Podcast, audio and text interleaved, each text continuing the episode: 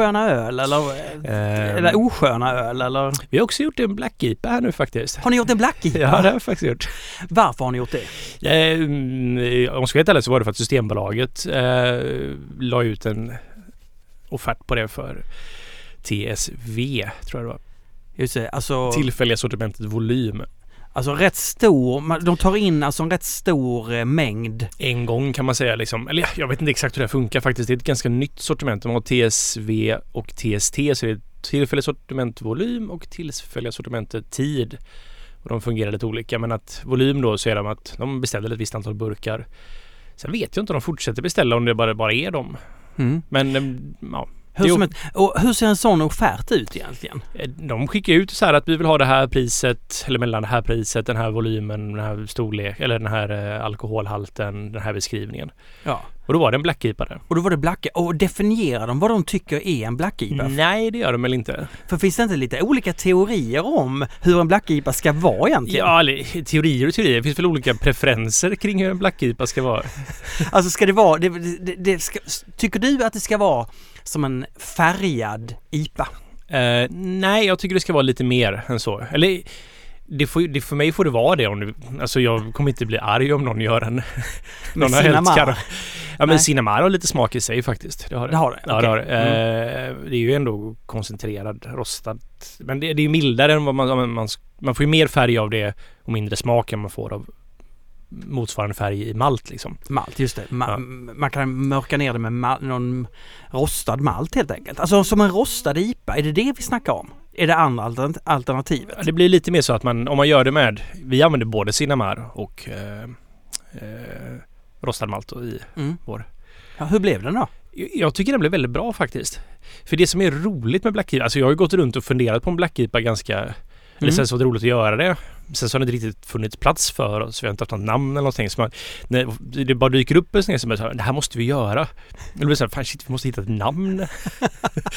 så här, du ska göra ett recept och man, vi hade inte, det är ju, de är oftast ganska, det är snabba bollar så att det är som att man får nästan, man har knappt tid att beställa ingredienserna till den. Men hur lång tid hade ni på er från, från att offerten kom ut då? Så den, offerten dök ut, jag beställde ingredienserna och den kom ut på en torsdag så beställde jag ingredienserna på en måndag och så bryggde vi den veckan Mm. för att kunna skicka in då för det här är ju då att alla bryggerier får ju nappa på det här och skicka in Ja. sina förslag och sen så har de ju en provning och så vinner den som de tycker är bäst. Det lär väl, det lär väl du vinna? Det vet man inte. Alltså, Men du är väl bäst? men det kanske är som att så här, Systembolaget tycker en sak om Black IPA. Den tycker Ja. att den ska vara som en svart IPA att någon bara hällt i massa karamellfärg i den. Eller, Mm. Men det, jag tänker Systembolaget, de håller ju på med det här med, med alkoholhaltiga drycker. De måste ju vara experter på vad en svart IPA är. Eh, ja, nej. det kan man ju tycka. Alltså vi vet ju väldigt lite om hur Systembolaget fungerar så att jag kan inte riktigt uttala mig om hur... Ja, har ni gjort någonting, något, något annat? Jag, vill, jag vill bara säga det här Ja. med Black IPA också för att Mm. det är här, jag tycker det är en väldigt spännande stil för att det finns faktiskt en... När man... Eller det som jag tycker är intressant med den är att jag gillar ju till exempel en humlig porter, jag tycker det är jättegott. Men just när man... En Black IPA ska ju inte vara lika rostad som en porter då eller American Stout är också en väldigt fin typ av ölstil så här med lite mycket, eller mycket humle i en stout då, men en Black IPA inte lika rostad som varken stout eller porter. Men när man har lite rostat i det så finns det humlesorter som spelar väldigt fint med de smakerna tycker jag. Ja. Alla humlesorter gör inte detta, men vissa gör det tycker, tycker jag då på ett väldigt så här så att man kan få en så här en ganska bärig kvalitet. Det är som, det är som att det rostade liksom kommer in och liksom ger för humlen i andra riktningar som jag tycker är intressant för att det är inte riktigt dit de humlesorterna brukar annars gå. Ah, kan det vara så här? När man inte riktigt vet om det är en IPA eller en väldigt humlad stout Ja. som man dricker. Det är då man är i det gyllene snittet så att säga. Nej, Då är du förmodligen för rostad skulle jag säga. Okej, okej. Men man vill bara ha den lilla, lilla touchen Mm. av någonting rostat för att få humlen att komma en annan väg. Det ska finnas Ja. där som ett extra element, tycker jag. Att det är, då är det godast i alla fall. Mm. Om det bara är en svart IPA så är det bara så här, då kan man ju lika gärna dricka en vanlig IPA. Då Ja. är det lite, Det är lite poänglöst på ett Ja. sätt. Men det är alltså den roligaste ölen ni har bryggt? Eh, ja, annars brygger vi mest de vanliga. De är Eller de är alltid brygger hela tiden. ni går, långsamt, långsamt går ni mot att bli ett produktionsbryggeri. Du vet det? Alltså vi har alltid varit ett produktionsbryggeri Martin. Vi har aldrig haft sådana andra grejer som restauranger och Ja, sånt där. och ja, ja, men jag, jag, jag ser det som, du vet det här stora skal, storskaliga Jaha, du- bryggeriet. Det är det så jag kallar Alltså det. vi växer ju hela tiden. Ja. Ja, och det, Ja. man blir ju större och större. Det, Ja. Är du inte rädd? Eh, nej, inte det minsta faktiskt. Det är ganska skönt att bli... Jag, det är först nu jag börjar känna att vi växer in i vårt... Alltså, vi har ett ganska stort bryggverk liksom. Vi, vi, vår, vi samlar upp då efter... Ja, till kok då samlar vi upp 3000 liter. Stoppar in i en jästank någonstans beroende på hur länge vi kokar och hur mycket humle vi har i koket och sådär så samlar vi upp mellan 2500 till 2700 kanske. Eh, och det är ganska mycket volym. Så att när vi gör en batch öl så har vi den räckt ganska länge för oss. Så om man lyssnar på det här Patreon-avsnittet med den här positiva spiralen som eh, Björn på Oppegård snackar om. Ja. Så det här med liksom att man vill ju att ölen ska sälja tillräckligt snabbt liksom. Så ibland när vi gör kanske vissa ölstilar som inte är så lika populära som en IPA är så kanske de blir sittande lite för länge. Mm. Men det är först nu man känner att man, förutom Corona då som har gjort att all fatförsäljning har dött, men att man ändå får lite spinn på ölen på ett här positivt sätt. Just Så det är först nu man vi känner att man nu börjar växa in i vår kropp. Mm. Eller i vår kostym, säger man.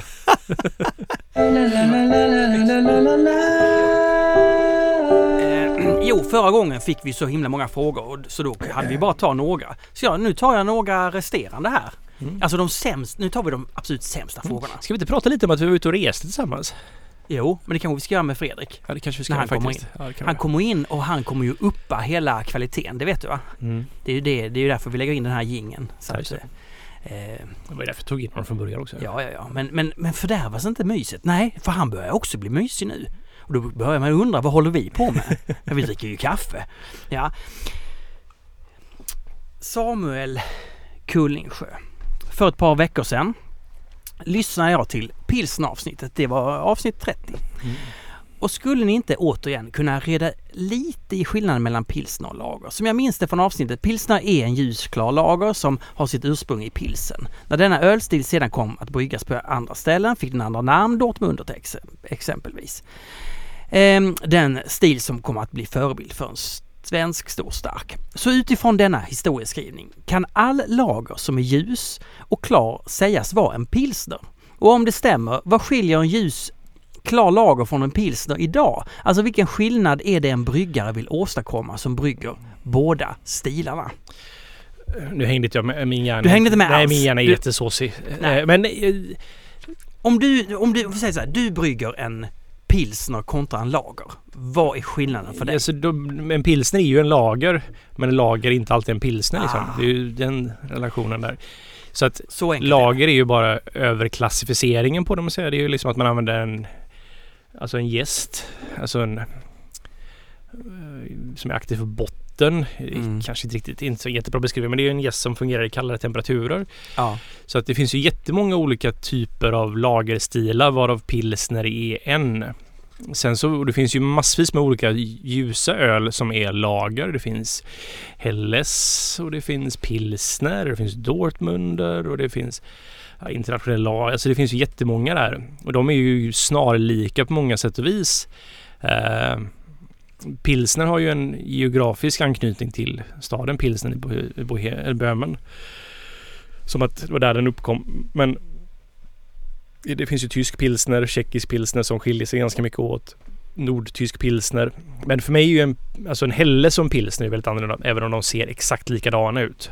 De är Ja. ljusa och klara. Och skillnaden är för dig då? Eh, för mig, alltså om jag bara, en enkel skillnad är att det är en pilsner för mig är humligare och beskare framförallt. Humliga och beska. Det Ja, en, en, en Helles kan gärna få ha en aromgiva som gör en, att den får en aromatisk humleton i sig. Mm. Men den har mycket lägre beska när den är lite lättare att dricka. Mm. Och mycket som jag jag tycker, an, som många anser att det här är en pilsner, kanske egentligen lite mer ren Helles liksom. Ja. Pilsner i Sverige har det ju varit lite ett gammalt namn för den ljusa ölen. Precis. Kan man få en pilsner? Ja, det har Eh, blivit som ett matnamn för någonting. Ja, lite grann, lite grann. Det, ju finns ett- ett vetenskapligt namn om man nu vill kalla det det. Nej. Liksom, eller så här. Nej men helt, helt Ja. rätt. Och pilsner är ett väldigt starkt varumärkesnamn. Mm. Helles inte så starkt. Dortmunder, mycket svagt. Stor stark, ganska stark. Ganska starkt. Farmhouse. Varför är inte fler bryggerier i Sverige intresserade av veteöl? En Hefeweizen med krämig skumkrona är oslagbart! Kan förstå att många konsumenter inte uppskattar gästkaraktären i en veteöl. Förresten, kul att du är från Kristianstad Martin. Okej, eh, tillbaka till frågan. Eh, veteöl, Olle. Ja. Kan det komma tillbaka? Kan det någonsin bli starkt? Eh, det är alltså tysk veteöl då, alltså en Hefeweizen är det jag snackar om. Ja, han snackar om det. Ja, eh, det är alltså... Äh, jag vet inte. Jag tycker det är gott. Det är inte min favoritstil på något sätt. Jag, inte, jag, gillar, Nej. inte, jag gillar inte banan. Vanlig, alltså banan är ju Ah. inte alls min grej. Nej, Och det är nej. ju ganska mycket banansmak på det. Men jag har inget problem med att det luktar banan om en Hefeweizen för det luktar andra, andra grejer som är, gör att det blir okej.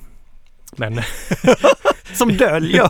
som döljer lite bananer. Nej men, eh, men eh, alltså när revolutionen kom i USA så var det oftast man, man skulle brygga liksom en Hefeweizen, man skulle brygga en mörk öl, man skulle brygga en ale och så skulle man det var liksom det man hade som en repertoar liksom. Men jag tror det kan vara så att lite att konsumenterna har sagt sitt på ett sätt att man inte riktigt eh, att det inte riktigt säljer. Sen så är det väl inte superenkelt att brygga den typen av öl heller. Du måste ha tillgång till rätt gäst och det tror jag är en anledning till att det inte bryggt så mycket i Sverige för att det finns inte, har inte funnits så mycket bra torrgäst då till exempel för Hefeweizen som ger den här karaktären och eh, jag har ju provat det. Vi bryggde på Stiberget en gång. Det var mycket Mm. svårare än jag trodde det var faktiskt. Och där bryggde vi också den Wheat seems to be the officer problem som var Ja. en torrhumlad Hefeweizen. Men jag tycker den blev ju ganska halvpopulär. Ja, jo men det var ju för att det måste ha humle i den. jo men precis, och det var ju så man fick göra för att den skulle bli, få lite... Drickbar. Ja, nej, men lite fart i det liksom. Men det var jättesvårt att få ett stabilt haze och sådana saker tycker jag. Att det var, och... Men jag vet inte, alltså, man ska, jag, jag tror det kommer behövs lite så här kanske uppmärksamhet på ölstilen för att den ska komma tillbaks. Alltså den har inte försvunnit, det är ju en sån som bara finns där hela tiden. Och så finns det några tyskar som faktiskt gör den här stilen väldigt bra också. Ja. Så att eh, jag tror inte det kommer bli liknande pilsner liksom att alla ska brygga Hefeweizen. Nej. Men eh, den kommer inte dö ut men och den kommer kanske inte bli jättepopulär. Åh, stackars Hefeweizen. Folk och öl vore intressant att få höra vad ni anser om alkoholfri öl. Det vet vi ju redan vad du tycker, Olle. Du Ja. tycker det är helt meningslöst. Det är helt meningslöst. Är det, he- är det helt men- meningslöst? Eh, Folk och öl skriver, det är ju liksom folköl. Ett segment som vuxit ordentligt. När kommer vi få se en alkoholfri öl från mindre svenska bryggerier? Vilken är den mest optimala stilen för alkoholfri öl? Ja, det är väl lager. Nej, det är verkligen inte lager faktiskt. Nej, det är det verkligen inte. Nej. Kanske den sämsta att göra alkoholfri Okej. på ett sätt. Men- jag drack faktiskt en alkoholfri öl i veckan. Ja. En 03 från eh, Becks Blue hette den. Ja. Eh, Jag bastade med min kompis Challe. Mm. Eh, Och då drack jag en alkoholfri öl. Det var Ja. jätteäckligt. Alltså verkligen jätte, jätteäckligt. Men du, den Mikellers eh, som vi drack på, på det här eh, hamburgerstället. Burger King? Just det, det Ja. stället. Ja, jag, ja, den var inte heller jättegod. Men det var inte, det var halvbra ändå. Nej, den var väl halvdålig. den var aldrig på skalan av att den ens kom upp över bra utan den var på den dåliga skalan fortfarande Ja. ska jag säga. Ja. Men han gör ju det. Han, de blir ju oftast, han jäser men ofta så när det är lager så blir det ju lite malt. Alltså det blir som vörtig smak på det och så, Mm. så här. Jag skulle säga en bitter mild skulle kanske funka Mm. som en Mm. alkoholfri. Alkoholfri. Ja, men det finns så mycket roliga grejer man kan dricka som är alkoholfria. Juicer, läsk, vatten. Men, men du vet ju det här med grupptillhörighet. Man vill tillhöra gruppen och man vill göra samma sak som, som gör. Som jag seltzer. Okej. Jo men det jag förstå. Jag, jag, jag, klart jag förstår det men jag kan tycka att det är så här. Det är lite som att skohorna in någonting i där det inte ska vara när man gör alkoholfri öl. Hela alkohol, jäsningen med det är ju liksom väldigt mycket av biten. Sen ska man ta bort en stor del av det. Det hamnar i obalans liksom. Ah, ja. Mattias Moberg, när vi eller Systembolaget beskriver smakerna i en öl så nämns många olika referenser. Som pomerans, aprikos, fat, kavring med mera. Men för mig är det så att jag inte vet ibland vad jag ska leta efter. Jag vet inte hur smaken smakar. Hur lär man sig smaker? Genom att smaka på många saker. Nej, eh, jag har faktiskt tänkt på det ganska mycket. Och så, det har vi pratat om tidigare. Jag är framförallt väldigt intresserad av lukter. Jag har Mm. alltid luktat på saker. Ja. Mer än vad jag borde lukta på saker. Men jag tror man ska... När, jag tänker ju att om... Jag lär mig så fort min hjärna är aktiverad och jag gör någonting. Jag lär mig oftast genom att göra. Och är min... Alltså jag kan ju göra någonting och vara någon annanstans. Då kommer inte jag lära mig så mycket av att jag gör någonting utan jag kan... Men när jag liksom tänker på vad jag gör, jag har liksom ett aktivt sinne samtidigt som jag gör det så brukar det sätta sig och det handlar väl om att vara lite uppmärksam på jag har inte gjort det här medvetet egentligen att lära mig om alltså smaker men jag, alltid, jag tror jag har, när jag tänker tillbaks på det så har jag alltid varit ganska uppmärksam på det, varit intresserad av det rent naturligt. Så jag tror man egentligen bara, det handlar om att faktiskt öva sig Mm. och att man ska framförallt kanske tänka på vad sma, saker smakar och luktar framförallt. Jag kan tipsa om eh, nyfikenhet. Mm. Hyggligt bra grej. Det, det var ju ungefär det allting jag sa fast ett ord bara. Eh, 77 41 819. Hej! Om man har ett recept som innehåller torrhumling men man vill av någon anledning inte torrhumla. Kan man då förändra receptet på något sätt så att man får ett liknande resultat? Och i så fall hur? Typ, typ, typ flytta dubbla torrhumlemängden till 5 minuters givan. PA. Eh, Nej. Mm. Kan, jag säga. kan du inte få samma resultat? Nej, torrhumlingen är torrhumlingen. Jag skulle säga att den bidrar med sina smaker på ett... Man kan inte... Nej, Nej. det kan man inte. Man kan däremot göra jättebra humliga öl utan att torrhumla. Va? Ja, det går. Nej. Det, det, det går. Det Vem går. har gjort det någonsin? Närke har gjort det här till exempel. Närke? Ja, Närke har gjort bland de bästa svenska ölen jag druckit i alla fall som inte är torrhumla. Det är jä- alltså Som har- Ja. Nej men det, är- och det är... Alltså... En IPA eller en humlig öl, inte en IPA. En humlig öl är som en... Är som en är som en lök. Det sa ju också Björn, Ja. eh, Oppegårdsbjörn, att, att han hade lärt sig av Närke att... Vad var det han sa? Att, han, att man humlade hela tiden. Mm. Man, man, det, var, det handlade inte om eh, torrhumling utan det var att man humlade många gånger. Nej, det han, det han hade, för det sa ju faktiskt också Närke att de Ja. lärde honom. Det Ja. är en väldigt rolig återkoppling där. Men han, det han pratade om var hopbursting. Det var att Närke lärt Oppegård som hopbursting, vilket är när man koncent... Förr i tiden så var det att man hade oftast givor i humlig öl hela vägen. Men om man har ett 60 minuters kok så varje kvart så har man i humle och det kanske blir mer och mer på slutet. Medan hopbursting så är det som att man flyttar hela den här... Man kanske inte har någon... Man har en bittergiva vid 60 minuter. Sen så första, andra humlegivan kommer vid 45 minuter när det är en kvart kvar. Och så liksom portionerar man ut det de sista eh, kvarterna liksom i stigande ordning. Och det kan man göra. Det är jättebra. Sen så finns det ju då Whirlpool-humle när man har stängt av koket eller Hopstand om man är hembryggare som är man kanske inte whirlpoolar så mycket när man är hembryggare. Men att man eh, när man stängt av då att man har i humle precis då när det inte kokar och då binder man mycket smaker men samtidigt så får man en ehm, att det är en eh, ja, avdunstning av humlearomer plus att för att det är fortfarande 100 grader nästan 99 Ja, grader liksom. Just det, så det, du kan, det, det är bra men det är inte riktigt torr- torrhumling. Nej precis men och det är som så här, det är det som är lök som de säger i Shrek. Åsnan är en lök, han har många lager. Ja. Och det är samma sak med en humlig öl. Så att det finns massa olika lager för att jag skulle säga att även om du liksom, du, om du har humle i underkoket, alltså vid 45-30, de kommer ge olika karaktär.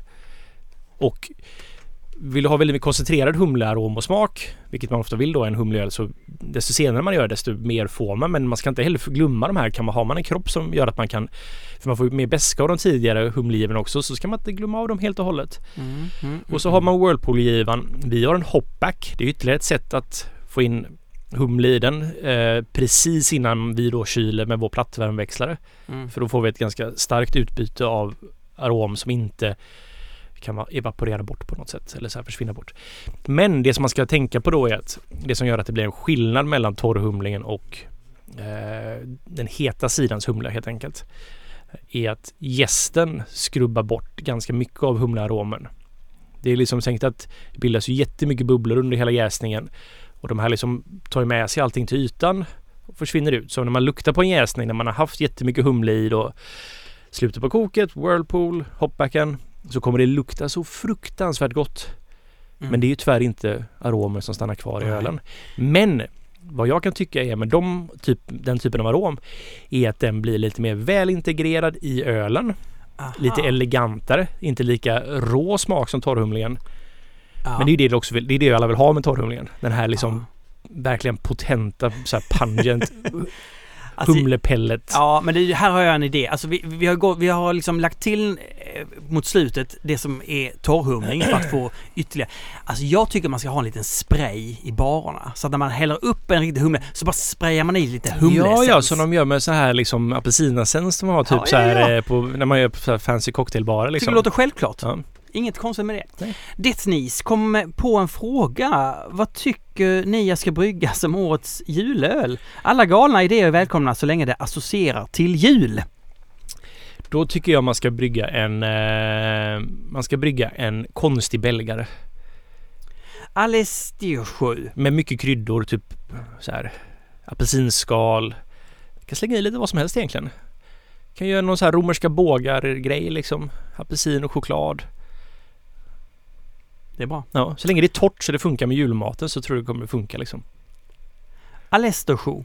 Vi har en nystartad grupp för hembryggare på vår ort. Mm. Då vi har olika utrustning och olika kunskapsnivå kan det ju bli spännande samtal. Jag undrar om ni har några tips på aktiviteter etc. Eh, som vi som grupp kan göra tillsammans eh, för att utvecklas gemensamt. Har du några aktiviteter till den här? Jag har ju aldrig riktigt varit en social bryggare, hembryggare på det sättet. Nej, Nej. på en ort? Nej. Nej.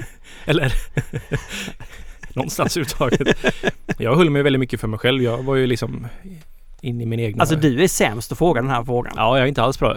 Men det finns väl massvis med grejer man kan göra. Man kan, eh, jag vet inte, kan man ha typ, typ så här eh, olika orter mot varandra i hembryggar. Tävling. Tävling, ja, precis. Mm. Så alla får varsin gren och så tävlar man mot annat. Och så, Alltså de här får stout, de här får IPA, de här får... Jag vet alltså jag man, lär, man lär ju sig av varandra hur som Ja, helst. precis. Då får man väl, man får väl träffas och snacka om och kanske, man kanske ska besöka varandra ehm, och se hur det går till. Ja, och så kontakta bryggerier som finns i närheten som kanske tar emot besökare. Det är alltid väldigt... Alltså, jag tyckte det var jätte, jätteintressant när jag var hembryggare att se riktiga bryggerier. Ah. Det var verkligen jätteinformativt och inspirerande och... Kan vi ta med kaffe Martin? Du, det gör vi. Och vet du vad vi gör sen? Öppna Sen fönstret. Ja, vi öppnar fönstret och vi öppnar, dö- vi öppnar dörren såklart så att Fredrik kan komma in. Nu är det dags för Fredrik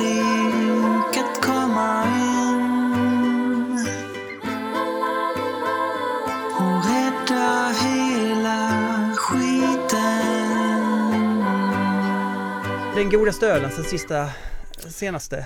Ja, Är det en jag kölsch? Nej det är det faktiskt inte. Nej, utan Nej men man får ju lyfta fram lite svenskt öl nu tänker jag igen. När det är liksom lite nya hårda regler och ja.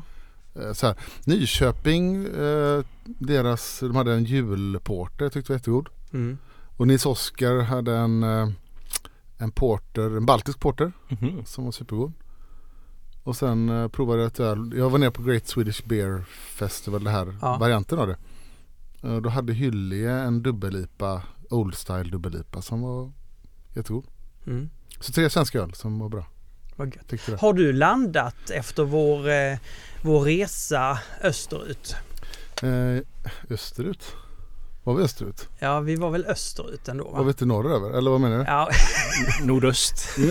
Fast inte så mycket nord, mest öst.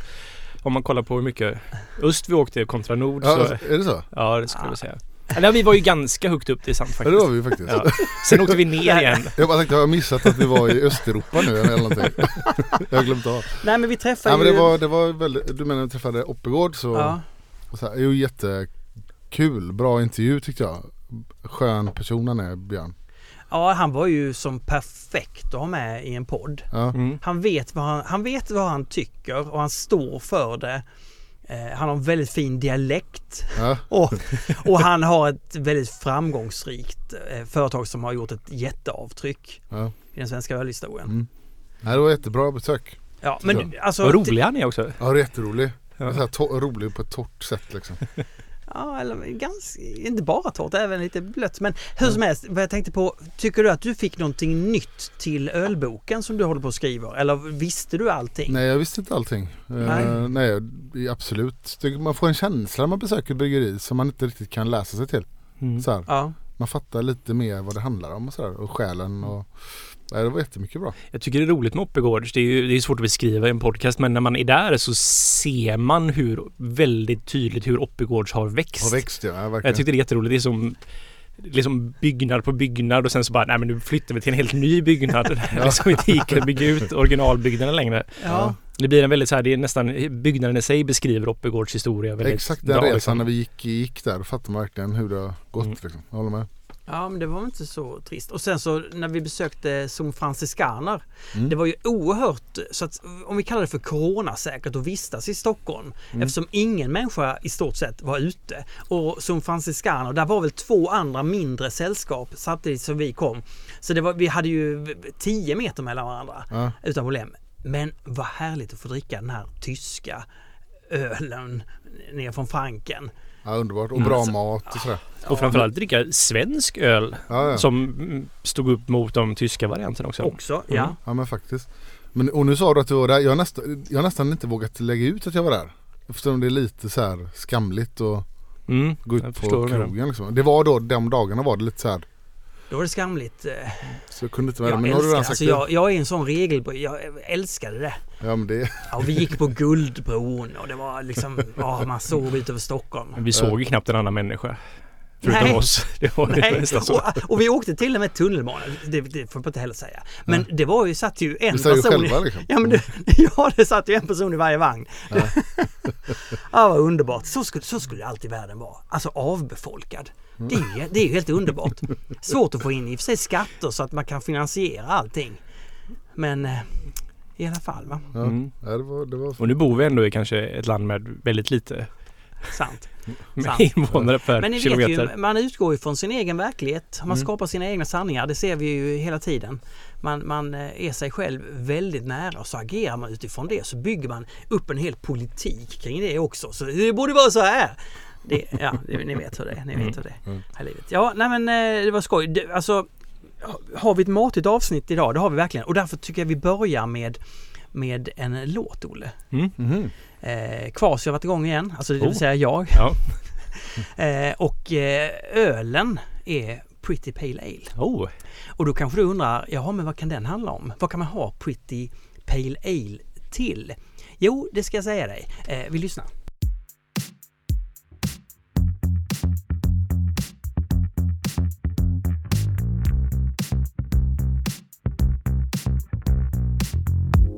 Men herregud, fattar väl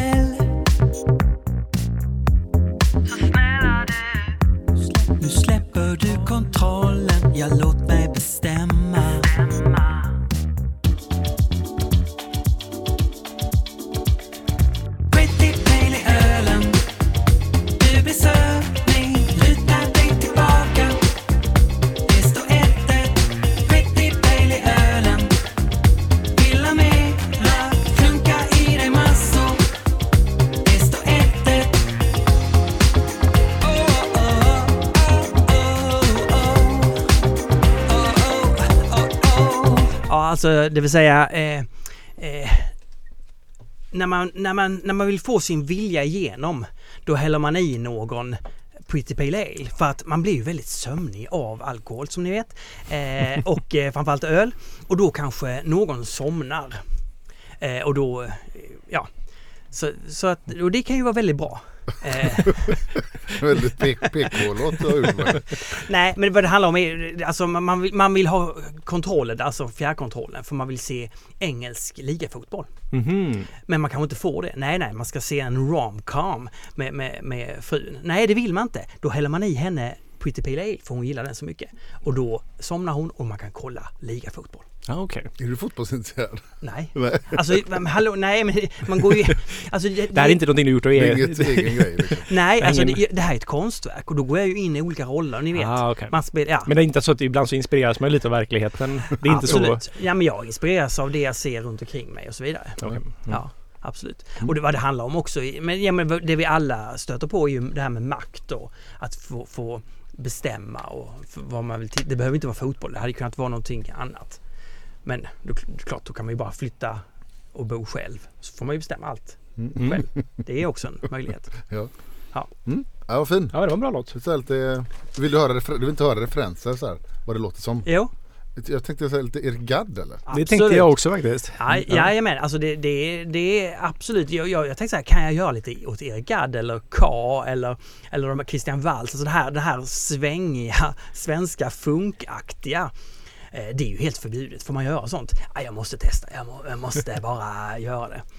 Så det, Jag det tyckte ju, basgången kändes bekant. dun, dun, nej men han var, ja, det är väl en klassisk eh, funkband. Martin Holmlund var här, spelade helt nykter. Eh, bara- han bara lirade. Mm. Eh, och då blev det ju svängigt eh, som vanligt. Mm. Lägger ut den på till alla patrons. Och då är det så här att när man är man patron då kan man leta upp den här RSS-länken. Så klistrar man in den i sin, låt oss kalla det för poddspelare, poddapp. Jag kör Overcast själv. Då lägger jag in den där. Då kommer den upp i sitt eget flöde. Alla, alla Patreon-avsnitt Mm. kommer Mm. upp i sitt eget flöde. Det är helt praktiskt. Helt praktiskt. Det är helt praktiskt. Körde du Overcast? Ja, det är, det är du som har tipsat. Ja det är det, okej. ja, för det är den bästa poddspelaren som finns nämligen. Overcast. Jag vet inte varför den är bra, men eh, jag har den. Ja, nej, men, ja, man, är- man, är- lyssnar man ganska mycket på podcast så tycker jag den är helt överlägsen faktiskt. Ja. Jag har testat många. rekommenderar. Ja. Overcast. eh, jo, Robert Spitfish. Ni får bara eh, säga så här. Eh, ni får bara välja en öl att dricka ur OOs utgångna eller nuvarande sortiment. Vilken? Fredrik? Utgångna. Eller, Eller. eller, Ja, ja. vad sa du sen? Du får bara dricka en. Eller nuvarande. Eller nu var Ja, alltså vilka som helst som har byggts någonsin. För du får bara dricka en. Jag Mm. tycker ju om väldigt mycket av OS här, måste jag Ja, du- det Men, ehm, ja, men jag tänker så här klassi- jag tänker klassiskt. eh, eller nej, ev- jag tänkte så här Naranji, så här, med Evergreen. Ja. Gillar jag som fan. Jag tyckte nya batchen var superbra. Okej, du. Ja. Nej, den har... Ingen av de två som finns ute är riktigt den ena lik. Men jag vet, sätt. men du har ändrat den har du sagt. Ja. Men, men, Men jag har faktiskt bytt gäst också nu i eh, Ja. de klara IParna eller vad man ska kalla dem. Ja. Så nu, nu kommer det bli ännu bättre. Både Nova och Aha, okej. Evergreen faktiskt. Ja, Nova. Ja. Eh, äkta pils säger jag. Äkta pils va? Ja, alltså när den är magisk så är den magisk. Ja. Jag vill säga den också, fan. Men eh, jag säger eh, Och du Olle? Eh, det står mellan Porter Porter och Pivot Pills faktiskt. Mm. Eh, Ja men det är väl bra. Det jag säger vi- Porter Porter. Ja, säger Mm. Helena Lind eh, skrev ju in en fråga eh, som vi, vi kunde inte svara på den. Men nu har det gått en månad. Hon skrev, eh, kan ni inte berätta om den danska ölvärldens utveckling? Deras mikrobryggeriexplosion inträffade väl ungefär 10 år innan vår. Hur ser det ut idag? Konsolidering, uppköp, konkurser etc. Och vad kan vi lära av Danmark? Nu står ju Fredrik här med papper med grafer på och grejer Ja, här. alltså, vi, jag, sist när vi fick den frågan, jag insåg att jag kunde inte svara på den. Eh, för Danmark, har jag, man har ju alltid liksom relaterat till Danmark och varit där och druckit öl. Och, men jag kände att jag inte kunde så mycket vad som hände. Jag har ju alltid sett Danmark under, alltså jag blev väl intresserad av craft beer 2005-ish. På riktigt så här liksom att jag var intresserad av öl även innan det men när det verkligen blev lite mer av en besatthet på ett Mm, sätt liksom. mm. Och då kändes det för mig som att Danmark låg väldigt mycket före. Ja, Det var, och det är så långt tillbaka sträcker sig mitt minne. ja. Sen innan det så vet jag inte så mycket mer. Men det är mitt minne också så här. Men jag bara, bara kolla lite mer så här. Och det beror på hur man definierar ligger före och så där. Men en bit kan ju vara antal bryggerier. Jag har en graf här. Den här kan vi ju sen lägga ut på vår eh, grupp. Men det här eh, visar antal bryggerier och år. Vi har 2000 här. Så kan man säga det som hände var när det tog fart i Danmark, om man ska sitta på antal bryggerier, egentligen är det mellan 2004 och 2005 och 2006 då hände ju verkligen mycket. Jätteutveckling 2004. Sen ökade det en del. Sen var det lite stilla. Ibland pratar man om att Danmark hade en liten kris och sådär. Och tittar man på de eh, vanliga så här, fasta bryggerier så gick det ner lite grann 2009. Men så låg det på samma nivå egentligen mellan 2009 och 2013 typ. Mm. Sen tog det fart. Men det här säger ju inte... Min, min, mitt minne är ju att det var många bryggerier som, man, som gick i konken. Ja, Men samtidigt så kanske det Startar startade... nya. Ja, det startade väl... och så var det. Det var många som gick i konken men det startade nya. Men den totala menar jag låg ganska plant. Mm. Totala antal bryggerier. Den här följer om man tittar på USAs utveckling på tidigt där att när det var på 90-talet när det gick en sån jätteexplosion upp Ja, och sen så stagnerade det och sen började det bara växa igen egentligen. just det. Och, men det, samtidigt så var det inte så att det blev mer Alltså under den perioden så var det inte Alltså vad ska man titta på Ska man haft en annan graf här där det var då totalt volym sålt av hantverksbryggerier så fortsatte ju den är sant. uppåt under.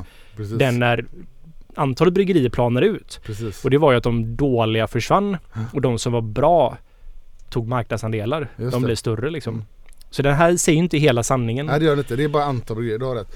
Men jag la in den här i den här blåa strecket här. Det är svenska bryggerier samma period. Och vad den, nu kan inte folk se det här. Jag försöker förklara det. kan vi lägga ut den på sajten sen. Men man kan se så här att, att eh, svenska bryggerier höll ju ganska så här. Hände inte jättemycket mellan år 2000 och 2009. Det ökade lite grann liksom. Allt ifrån från 20 till 35 bryggerier ungefär. Ja, Men sen tog inte det, mer. nej, så tog det, och ni ser siffrorna här Ja. sen. Sen tog det fart rejält egentligen. 2010, 2011 började det explodera. Där det ökade liksom med 40-50 bryggerier per år sen egentligen. Så den svenska, ni ser här har det gått liksom. Vi har vi gått, Sen vi, 2014 sen så det, 2014 gick vi om, då var vi på samma nivå som Danmark i antal bryggerier. ja, Sen har det bara exploderat med svenska bryggerier. Sen så att Danmark är ju hälften Sverige i storlek också. Mm. I antal personer. man, ja just det. Och hur många bryggerier har Danmark idag? Idag har de eh, 216. Ja. Eller hade de i slutet på 2000. eh, Och vi ligger på någonstans 19. 450 har jag för mig. Ja, och, men, men när man säger de här sakerna måste man komma ihåg. Det märkte vi när vi undersökte boken. Att vi säger att har, vi kanske har runt, just nu vet jag inte, men 400, 450 kanske registrerade bolag som ska göra öl typ. Mm. Men det är bara 100 av dem som omsätter en miljon eller mer. Så att det är mycket så här Kjell Nilssons mekaniska verkstad ska också göra lite öl och så här. Det är mycket sådana och som inte gör så mycket. Och det är så kanske det är i Danmark också. Det vet jag inte. Men, Så kan det mycket väl vara. men det som, och det som du sa Olle där, så det stämmer väldigt väl att Danmark låg före oss. Och det såg man ju särskilt liksom man tänker från eh, 2004 och till 2013 i antal bryggerier. Det var ju liksom stor skillnad mot Sverige.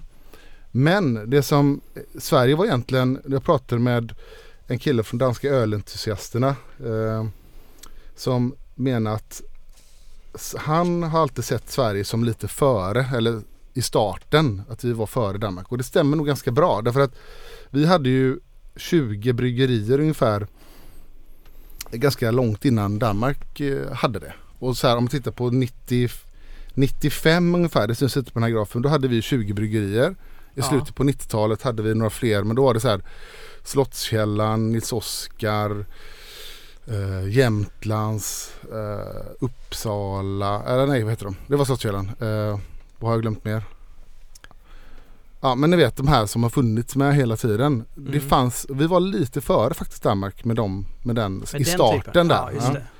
Men Danmark kom ju igång sen rätt hårt och gick om oss rejält liksom. Men vi var nog lite före Danmark och tittar man på danska eh, så ölfestivaler. Första ölfestivalen som de här danska ölentusiasterna höll som var den stora var 2002 i Danmark.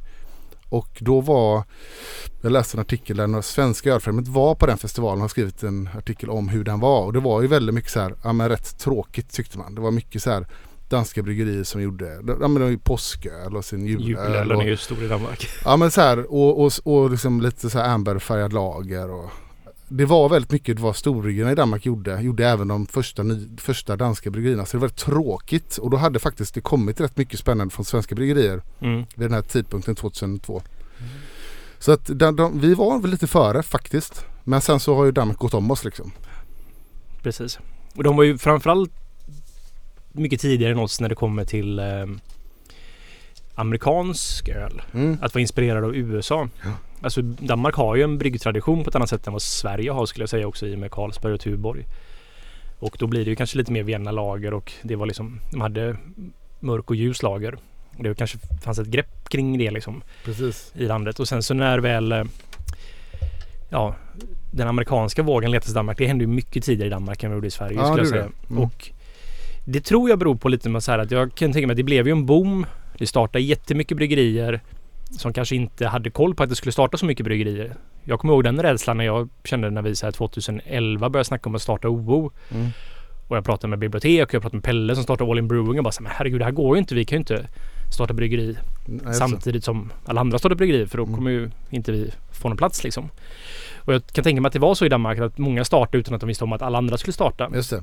Och så gjorde de kanske lite för stora satsningar än Mm. vad de borde gjort. Just det. Och så sitter de där helt plötsligt med massa extra kapacitet och så är det väldigt hög konkurrens. Mm. Då kan ju folk som Mikkel komma in Exakt. och bara hyra kapacitet. Ja. Och göra vad de vill för de gör bara en batch åt gången helt enkelt. Ja och det ser man egentligen. Från 2006 började det komma lite som lite fantombryggerier. Det var väl- 2007, 2008, 2009. När startade. Mikkel? Var det 2006? Eller var det startade 2006 ja. Ja. Eh, och, och då, ök, då kom det fler sådana efter honom ju. Mm. Eh, och så har jag fått pratat också med, eller mejlat med eh, en Martin som driver sajten Stovt. Stovt. Det känner jag igen. Ja, det är en ganska så här stor blogg i Danmark. Så, han har skrivit om öl länge, länge. Eh, och han, eh, jag frågade lite honom liksom hur, hur det här startade. Vilka var de viktiga tidiga bryggerierna då? Och det han lyfter fram, eller personer och bryggerier, det är väldigt mycket ölfabriken nämns som eh, viktiga. De kom Mm. 2004 och han Christian Skovdal Andersen Precis. som sen också startade Har ni träffat Martin? Va? Minns du Beer det? Here startade han också sen 2008. Kommer du ihåg de här jättetrevliga paret vi stod bredvid på Eurohop första året vi var där tillsammans? Ja. Ja, det är han. Som eh, på, på Bornholm? Ja, precis. Ja! ja. Som har helt så här eh, ganska, hans etiketter är ganska, eh, de, de danska. De är lite, lite snuskiga ibland och lite... Danska? Ja. Ja. Danska. Mm. Han, ser- han ser ju också ut som en så här typ Mads Mikkelsen typ liksom. Jaha. Han är... Snygging eller? Ja han är snygging Ja, precis. han är snygg. Han är supertrevlig han. han är, jag, både jag och Simon var ju ganska starstruck av att träffa honom. Ja, jag har inte pratat med honom någon. Ja. Nej men han är, han är jättetrevlig han.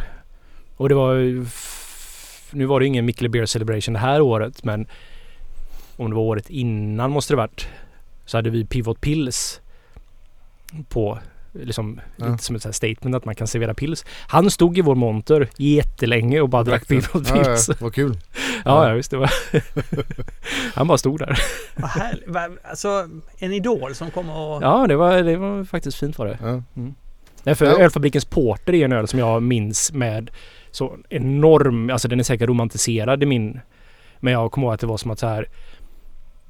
Alltså det godaste jag druckit typ. Ja, ja. Någonsin. ja, häftigt. Ja. Och, men han var också känd som först för sina mörka öl egentligen. Som, och ju stout som var så här, ja, liksom en pushade gränserna lite för vad, vad man kunde göra i Danmark. Och Mike Murphy som idag är han som är, driver Lervig som byggmästare där. Jobbar ju också på ölfabriken och gourmetbryggeriet som de slogs Det var ju väldigt rörigt allt Ja, det här liksom. Mm. Men han jobbar ju där och lärde sig brygga där och så. Och sen så har vi även haft Sean Hill från Hill Farmstead. Ja precis. Och den, det är också en viktig punkt. Och det så nämner han också Bröckhaus. Eh, Bröckhaus. Just det, det känner jag 2001 Ja, kom de det. känner inte igen alls. Nej, och jag, jag minns att jag provat öl från dem men de var lite mer traditionella men de var väldigt tidiga. Ja. Eh, som sagt 2001.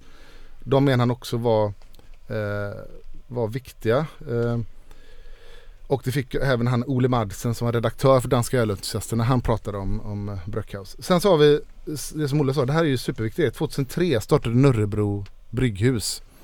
Av en före detta Carlsberg-anställd som är, han är lite sån här ikon, bryggar-ikon. Jag har aldrig träffat honom men Anders Kissmayer Mm. som är han var, jag tror att han var så globalt kvalitetsansvarig på Carlsberg och var bryggare på, i Carlsbergkoncernen. Som startade det här 2003 i, i Nörrebro. Restaurang, pubbryggeri. Ehm, han var väl där kanske fram till 2010 och sen innan han försvann. Och sen började ju Sean Hill där. Mm. Och fast det var nog innan. Jag vet inte riktigt år Jag han tror började. de gick ju parallellt han, med. ja. det måste ha gått parallellt. Jo men det gjorde de. Det är sant. Och Sean Hill slutade väl sen 2010. Kanske lämnade 2010 redan. Ja. Var Sean Hill någonsin på Farnö också eller var det bara han Ryan som var där? Vet inte. Ingen aning. Det kan vara så att innan han var på Nörrebro så kanske han var på Farnö och så fick Ryan ta över på Farnö. Nu spekulerar jag väldigt mycket här. Ja, jag vet faktiskt inte hur det låg till. Men eh, och de var ju också så här, när de kom eh, så var ju de också gjorde massa spännande nya grejer. De gjorde mycket så här fatlagrade saker. Sean Hill gjorde mycket sånt eh, tidigt där och Mm. ganska så extrema öl som som blivit väldigt omtalade. Eh, sen har, tycker jag väl att de har blivit rätt tråkiga istället. Det har väl varit mycket, de blivit, han blev ju utköpt därifrån tror jag, Kissmeyer. Ja. Och att det har tappat sin själ lite grann och ja. Men de har öppnat en ny bryggpub i Köpenhamn tror jag. Som han öppnat? Eller nej, Nörrebro har gjort det väl tror jag. Jaha, var ligger den? Som kanske ska vara lite mer modern då kanske. Jag kommer inte ihåg vad den heter men den ligger någonstans där tror jag. Okej. Inte Ja. varit på. Men Örebro är ju inte jättespännande idag ty- tyvärr. Nej. Tycker jag. Eh, vad nämner de mer? Uh, Amager, eller Amager som vi säger i Göteborg. Eller Ama. Ama menar jag. Heter det ja. Ama! Jättemärkligt. Ja det är det. Eh, Amager. Amager. Och de öppnade ju, de startade ju samma år som uh, Mikkele 2006. Mm. Och de var ju också väldigt tidiga med att driva humlig eh, öl och sådär. Vilket jag tror beror kanske lite också på att det fanns då, Sean Hill var där och också tagit dit det var ju en ganska tight community. Jag har sett en bild på ett, från ett ställe när, jag tror det är Sean Hills Going Away Party eller liknande. Just och det är sån här jättefin bild när det är bara så här med Mickel, Mike Murphy och så jag tror Christian Skordal han är med också där och det är så här, bara så här, ja ja det var de som betydde allting, någonting Ja. på liksom en bild från den baren som bara heter det var står öl på utsidan i neon. fråga, hur kommer det sig att eh, Sean Hill eh, gav sig till Danmark? Jag tror han pluggade filosofi på Köpenhamns universitet. Ja, han- Tror jag. han pluggade filosofi. det är naturligt ändå. Ja. Ja, jo, okej. Ehm, och sen, och Sören. Mm. eh, Också från Örebro. jag från började början. jobba där ju med Sören- Sean Hill. Sören, Sören Parker var Wagner eller vad heter han? Ja precis, Sören Parker Wagner. Ja, Som, Som- har Dry and Bitter. ja, och han har också krogen eh, Fermentoren i Köpenhamn. Mm. Och sen de här centralfigurerna tidigt. Sådär. Så att när man bara tittar tillbaka till det, det är ganska lätt att tänka då att det var Mikkeler som var, liksom, har drivit, eller som startade den danska ölrevolutionen. Det var det ju inte. Men Mm. de, sen har ju de, tog ju de över och var internationellt superviktiga för att sätta Danmark på kartan och sådär. Från 2006 och framåt. Men är Mikkeler eh, Danmarks eh, Omnipoller då? Eller? var det i alla fall. Ja, var alltså Mikkel, alltså Det måste man nog säga att han var. ja det får eller? man säga att han var. Men Mikkel är så mycket mer idag. Det är som ett livsstilsvarumärke. Det är så här, det är liksom Det har nästan rört sig utanför öl liksom. Och sen så, alltså Mikkel är inte populärt i Danmark på det sättet. Inte utanför Köpenhamn är det inte särskilt viktigt. Nej men eller? och i Köpenhamn, de enda, alltså Ja. Det är hans barer. Nu har han ju, han spelar ju Monopol med Köpenhamn liksom. Han har ju så mycket barer så det är helt sanslöst. Och de säljer mycket Mikkelöl men jag tror inte andra barer säljer mycket Mikkelöl. Nej det är inte. Och alltså vår distributör i Danmark säljer ju Mikkel i resten av Danmark. Mm. Så det är så här, ja, jag tror, jag tror Sverige säkert han säljer mer i Sverige än man säljer i Ja.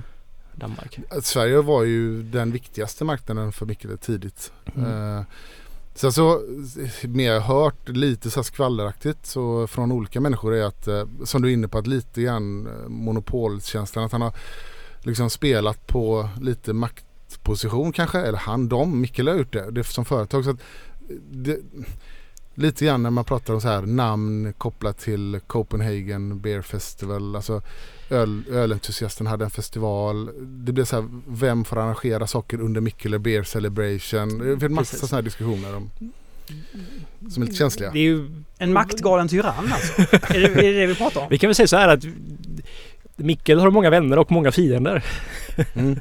i Danmark och även Ja. utanför Danmark men Jo, men, det, Men, men, men det är inte heller, med, med det han gjorde och var tidig med så kanske det inte är jättekonstigt att han fick lite eh, folk som ogillade det han gjorde också. varför då? För, vad, vadå? Vad menar du? Ja, men, jag tror att när Mikkeler som företag har växt så mycket, då, till slut så blir det väl att man det, det blir ett maktspel om olika liksom, arenor. Mm. Ja, det är klart. Det kan bli det kan krocka där liksom. Eh, men jag kommer ihåg när jag var på Danska ölentusiasternas första, en av deras, eller några, nej det var inte deras första, deras fjärde eller tredje eller fjärde festival där Mikkeler startade egentligen, visade upp sig för första gången på den festivalen. Det var rätt kul att se. Då, då fattade man såklart inte att hur stort det här skulle bli men jag minns hur, hur det var så här, från att ha varit ganska så här, trötta danska bryggerier som stod där och serverade så här, påsköl och sånt. Så, så hade, körde han igång en så här Klockan ett så ringde han en klocka och då skulle de servera någon specialöl. Liksom. Klockan två kom ett annat specialöl. Så det blev så här långa köer. Folk undrade vad det som händer där. Så han tog ju tidigt så mycket plats liksom. Mm. Eh, imagemässigt. Och var rätt kaxig tidigt liksom. Det är så Men- du, du gör på ölfestivaler, Olle. Alltid. alltså, en gång kom jag ihåg på eh, Brewskivalet så sa jag till Fredrik så här att klockan den här tiden så kommer vi öppna vår självbrunna eh, Pivot. Och det var som en klocka. Ja, för helt plötsligt visste ju alla det. Klonk, klonk, klonk, klonk. Så jag använde mig av Fredrik som en proxy för klockan. Liksom. Alltså, det. och, och, och, Mikkels bror som har den här Evil Twin då, är det någonting att prata om eller är det bara Ja, en bland det är det väl. Det är väl, sen så lämnade han ju Danmark ganska tidigt. Flyttade till New York och så här, Men han har ju, det har ju alltid varit en lång det är nästan ett eget program om man ska prata bröderna och deras relation. Men Ja, den, den eh, han, han drev ju ölbutiken. ja. Och innan det så drev han ju en ölklubb. Och nu pratar Just vi om det. Brollan då alltså? Ja. Ja, förlåt, förlåt Mm, ja. Jeppe i Köpenhamn eh, Så- ölaffär. Han var ju intresserad av öl innan Mikkeler var. Eller Mikkel var liksom. Har jag fattat det som. Möjligt, jag vet Ja. inte. Och um, samlade entusiaster som alla kommer att betyda någonting inom ja, dansk öl helt enkelt. Ja och så jobbade ju Jeppe i hans, äh, nej förlåt, Micke jobbade ju extra i hans butik Mm. i öl i Köpenhamn i ölbutiken. Jag kommer ihåg så här alltid när jag var i Köpenhamn det, det är så intressant att tänka tillbaka för det var ju ingen, det var ju så få danskar som ens var i den butiken. Mm. Den var ganska ofta rätt tom den butiken. Så jag kom in där och var helt själv, stod Mikkel bakom baren där, eller bakom disken där och så fick man välja öl och Men den butiken för mig har den varit jätte... Där man kan köpa bra öl. ja verkligen. Riktigt spännande grejer. Ehm, Men så här, jag kan också säga att det är en väldigt stor kontrastskillnad på till exempel Göteborg och Köpenhamn när det kommer till kultur kring det här. För att det är mycket mer infekterat i Köpenhamn än vad det är till exempel här.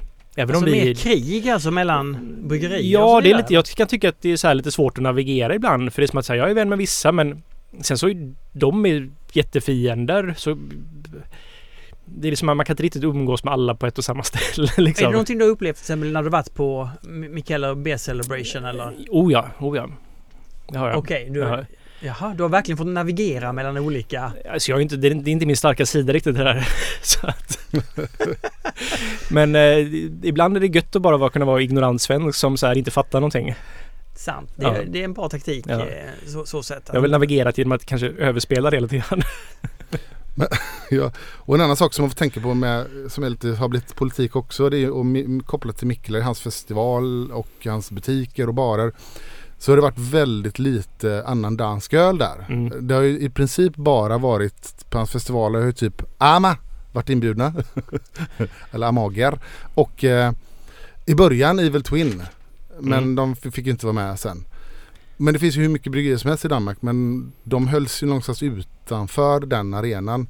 Jag vet inte. Konkurrens, inte tillräckligt coola eller jag vet inte. Ja, jag tror coolhetsfaktorn var en grej där lite grann. Ja. Han har alltid som siktat på det alltid det coolaste liksom. Samarbete med de coolaste. Sen så han ja, väl har hållit sig väl med dem han brygger hos och sådär. Till exempel Ja men precis. Ama och sådär. Ja, just det.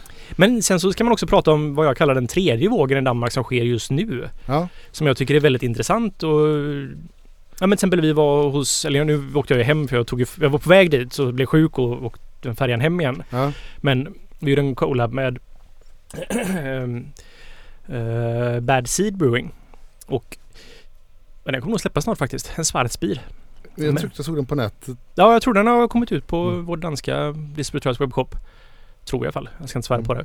Men eh, och han tillhör den tredje vågen. Och det finns fler. Det finns ganska många i Köpenhamn. Som är liksom ganska nystartade bryggerier. Så, min tanke kring det här är lite som att så här, de här skiljer sig ganska åt de här första, andra och tredje vågen. För an, Ja. första vågen är de här Som gjorde traditionell dansk öl, lager. Precis, och kanske lite översatsade som gjorde att de kollapsade sen. Ja. Vilket gjorde att det gillade plats till den andra vågen som var eh, kontraktsbryggerierna som hade råd att vara... Alltså de tog inte så mycket risk i och med att de inte hade egna bryggerier utan kunde då göra släppa helt annan öl, ta inspiration från USA. Och det funkar jättebra så de har blivit stora. Och den tredje vågen är, påminner mer om den första vågen för de här startar bryggerier men de gör det mer på, säger man skosnöre på svenska, on a shoestring? Eller vad, Jag vet vad, inte, vad kallar man det på svenska? Ja, de gör det så här att de köper gammal begagnad utrustning så de behöver inte liksom lägga ut lika mycket pengar som de första vågen gjorde. Utan de kan liksom växa organiskt istället och eh, lite sundare verksamhet Mm. helt enkelt. Så det tycker jag är jätteintressant. Ja, Och det, det görs mycket roliga öl nu. Till exempel vi har haft Ale Farm. just Också det. en av de tredje vågen där. Ehm, de har faktiskt lanserats på Nasdaq North här nu förra, förra veckan. Jag såg det. Jag, jag fattar inte hur sånt går till. Eller varf, varför? För att få in kapital till... Det är för ett win-kapital. Jo, och vem, vem köper aktierna? Vet du det? Det vet jag inte. det väl, det kan man Skulle väl, du köpa aktier där? I en Ale Farm? Mm. Nej, men jag har redan min portfolio av, jag har en tilldelad pott till bryggerier liksom och den är redan upptagen av OBO. Så kan vi säga. Bra svar. Jag liksom gillar att fördela mina tillgångar. Ja, Så att jag har allting i OBO fast det är liksom... Så jag har inget mer. ja. Men, men det som hände innan det, bara backa lite då, det här det som lite, man ibland pratar om nedgången i Danmark som i själva verket var kanske mer en eh, stagnation. Och bryggerier som Olle sa, bryggerier gick i konkurs men det startade också en del nya. Ja. Liksom. Det skedde någon form av Fast jag skulle inte kalla det stagnation utan för jag tror ju ändå att volymen öl som såldes gick ändå spikrakt uppåt faktiskt. Antal bryggerier syftar jag på. Det är sant. Ja. Det är sant. Men det, och det, det här känner man ju igen lite grann från Sverige tycker jag. Att han, den här eh, Martin som har stort, han pratar om att när det, han menar att det var en ett antal fina bryggerier som gick i konkurs på grund av att de, eh, ja men någonstans att konsumenterna började kräva lite mer eh, av craftbryggerierna. Eh, det fanns rätt många som gjorde tråkig öl helt enkelt. Som inte fick någon uppmärksamhet. Och många var, gjorde inte särskilt bra öl heller. Eh, och liksom försvann av den anledningen. Alltså att, och de var, så, de var inte så stora att de, eh, de som drev det kunde leva på det. Så det blev bara liksom mycket jobb egentligen. Så att man Mm. inte orkade driva ett bryggeri bara för att det var, det var inte kul längre. Liksom. Och då la, la de ner. Plus att eh, de var tvungna att växa för att få en, bättre, en, en bred distribution. Då ska vi också tänka på att Danmark, även om det är litet så har de inget, det är inte Systembolaget liksom. Så att det, distributionsfrågan blir ju helt annorlunda i Danmark. Mm. Det är inte Just bara att skicka till öl till Systembolagets lager utan den ska ju ut liksom på ett annat sätt. Jag vet inte vad du har för erfarenhet där Olle av den distributionsmarknaden där.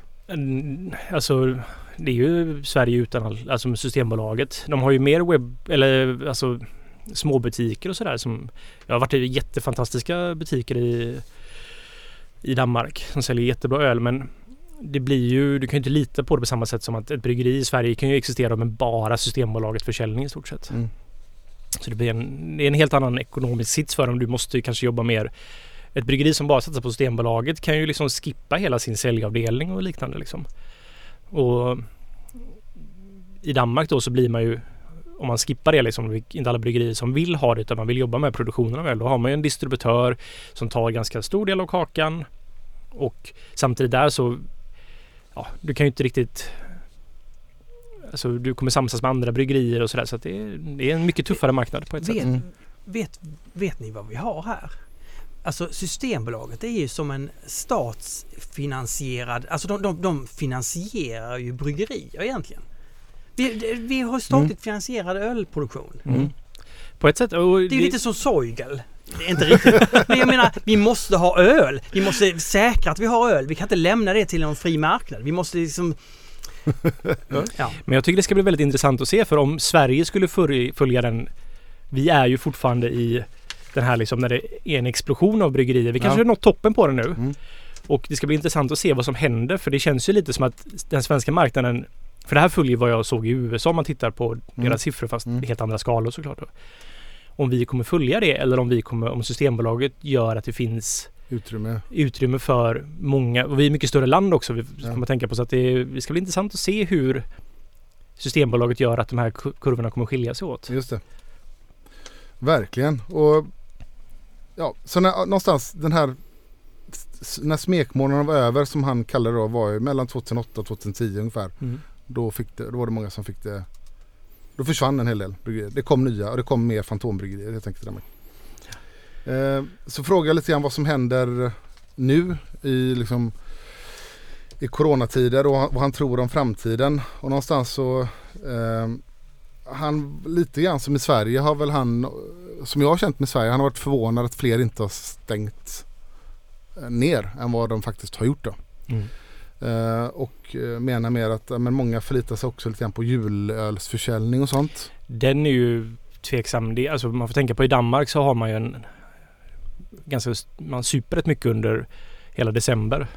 Mm. Eh, med julfrukostar och sådana grejer med företag och vänner och man har liksom oftast många olika så här tillfällen man samlas. Man har en julfrukost för sina vänner, en för företaget, en för familj kanske. Eller. Ja. Och då är man ute på krog och så dricker man rätt mycket. ja. Så att det kan ju hända mycket.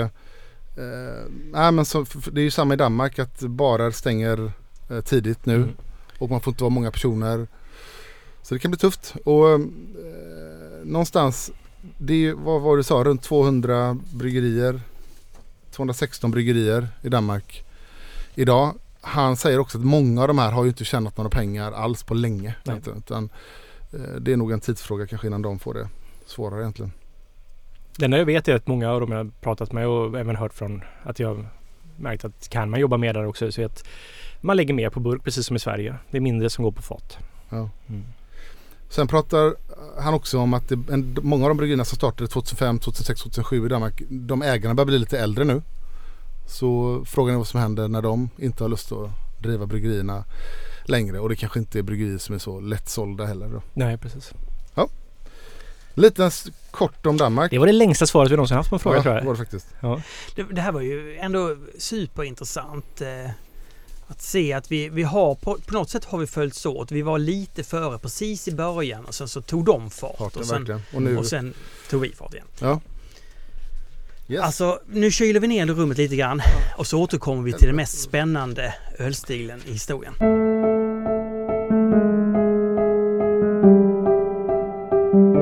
Alltså jag öppnade, ja, jag öppnade fönstret så att vi får den här hamnkänslan. Känner ni det? Vilken Ja. fantastisk vacker dag det är i Göteborg ju otroligt Ser fint. ni hur vattnet porlar här utanför och Mm. bygget borta i bron hör man knappt hur de svetsar längre. Va? Och de här stora pråmarna som kommer förbi här. Och, Men vad är båten? Är det det hotellet som är precis mitt över ja, här? det är hotellet. Den blå båten. Mm. Jaha. Ja, eller det är väl ett härberge va? Ja, det kanske det är. Till och med. Härberge. Du likställer härberge med hotell.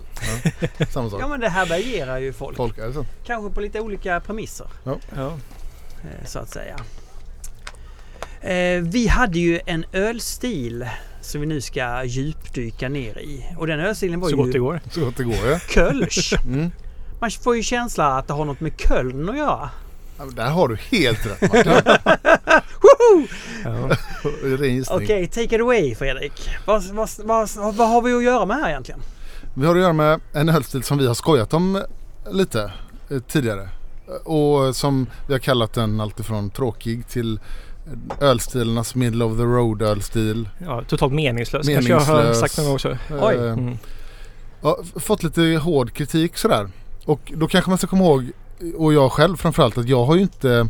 Så här, Kölsch är kanske en av de ölstilar som man kanske bör dricka eh, på platsen där det görs väldigt mycket. För det är väldigt mycket av en kulturell dryck. Mm. Och jag har aldrig druckit eh, Kölsch i Köln. Så att jag egentligen, Nej, jag har aldrig varit här heller. så egentligen är Ja. vi, har vi inte riktigt utforskat ölstilen på plats där man ska. Liksom.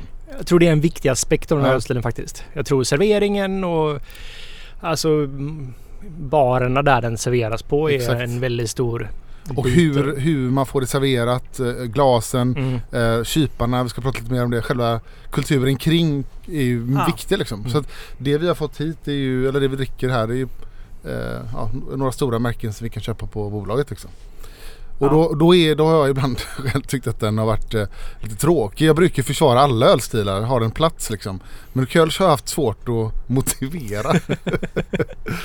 Som ren ölstil liksom. Men eh, mm. Mm. vi ska försöka prata om det lite mer positivt ändå, tänker jag. Eller? Ja, men Ja, på ett allvarligt och korrekt ja. sätt Ja. eh, så att Ja. säga.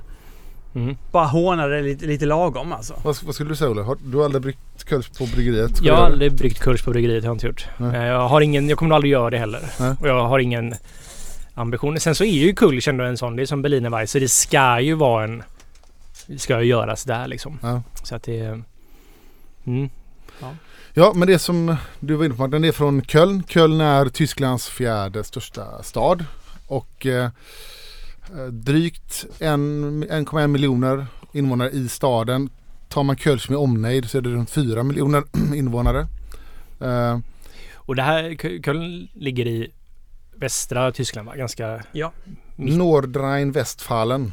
Typ mitten västra? Eller är det lite... Ja, men det, är gan, det är ju inte så jättelångt söderut va? Det, Ja, det kanske inte är. Nej, Nej men det är väl lite norr om mitten. Norr, norr om mitten. Norr om Det här... mitten. Vi är väldigt bra på eller så här. bra geografi. Vi får kolla upp det sen. Men eh, ja, någonstans eh, ganska, ganska stor stad om man tar med omnejd och där Kölsch är stort. Kölsch betyder ju eh, det är mer ett beskrivande ord att någonting, att man dels är det ett ord för dialekten som man pratar i Köln, Kölsch. Så att det är som att ölstilen heter och att det är någonting som hur någonting är, någonting är Kölsch. Nå, som att vi skulle kalla någonting för göteborgskt. Alltså, jag, nu börjar jag gilla den här ölstilen när du säger de här historiska. Okej. Mm. Mm. Ja. Det är lite bakgrunden. Och det är en ganska ny ölstil, drygt 100 år, den, så att den är inte supergammal. Ehm, och är, det som är intressant med Kölsch är väl att den, det är den enda ölstil i världen väl som har ett så här fullständigt geografiskt skydd. Alltså det här EU-skyddet att det ska göras på plats för att få kallas eh, Kölsch. Liknande den typen av skydd som Bordeaux, viner har, champagne har och sådär. Eh, det är unikt. Men hade inte Berliner Weisse något sånt skydd också? Eller är det ett annat? Det finns ju många olika... Det finns ju många olika skydd. Berliner Weisse har Jag tror att Det är ju inte riktigt samma tyngd i det för att EU-mässigt Vi får ju kalla saker Berliner Weisse i Sverige. Ja, just det. Vi får inte kalla något för Kölsch i Sverige. Jag kan inte exakt alla nivåer av EU-skydd. Men det här är ett ganska så här eh, Det har ett ganska gediget EU-skydd som är ganska nytt. eh, egentligen. Det, det fick de på Nu på 90-talet faktiskt. Mm. Men eh, ölstilen, vad ska man säga om den? den?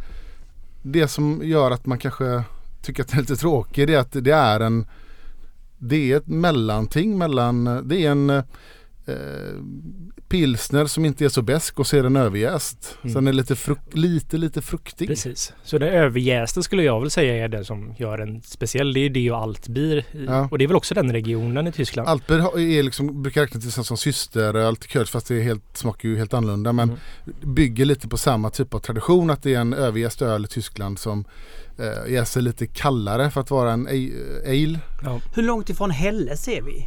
När det kommer Alltså till det, det, är ju, det är ju inte samma för det är två olika typer av gäst som beter sig väldigt olika. Ah, Eh, En Kölschgäst jäser mycket snabbare än vad en aha. eh, lagergäst gör de. I och med att det är en typ av alegäst helt enkelt. Eh, Men utseendemässigt så skulle man ju aldrig kunna se skillnad på dem. Aha, så. Kölsch har en ale-gäst? Ja. Japp. Och lite grann det som är spännande är att Tyskland hade ju eh, för väldigt många ölstilar som var överjästa helt enkelt, ales. eh, och som vi har pratat om tidigare så har vi liksom nere i Bayern gjorde man lageröl. Sen så spred sig lagerölet över Tyskland eh, med den liksom, industriella revolutionen och under 1800-talet, sent 1800-tal och också eh, tidigt 1900-tal så blev det mer och mer lager över Tyskland. Många av de här traditionella ale-typerna försvann.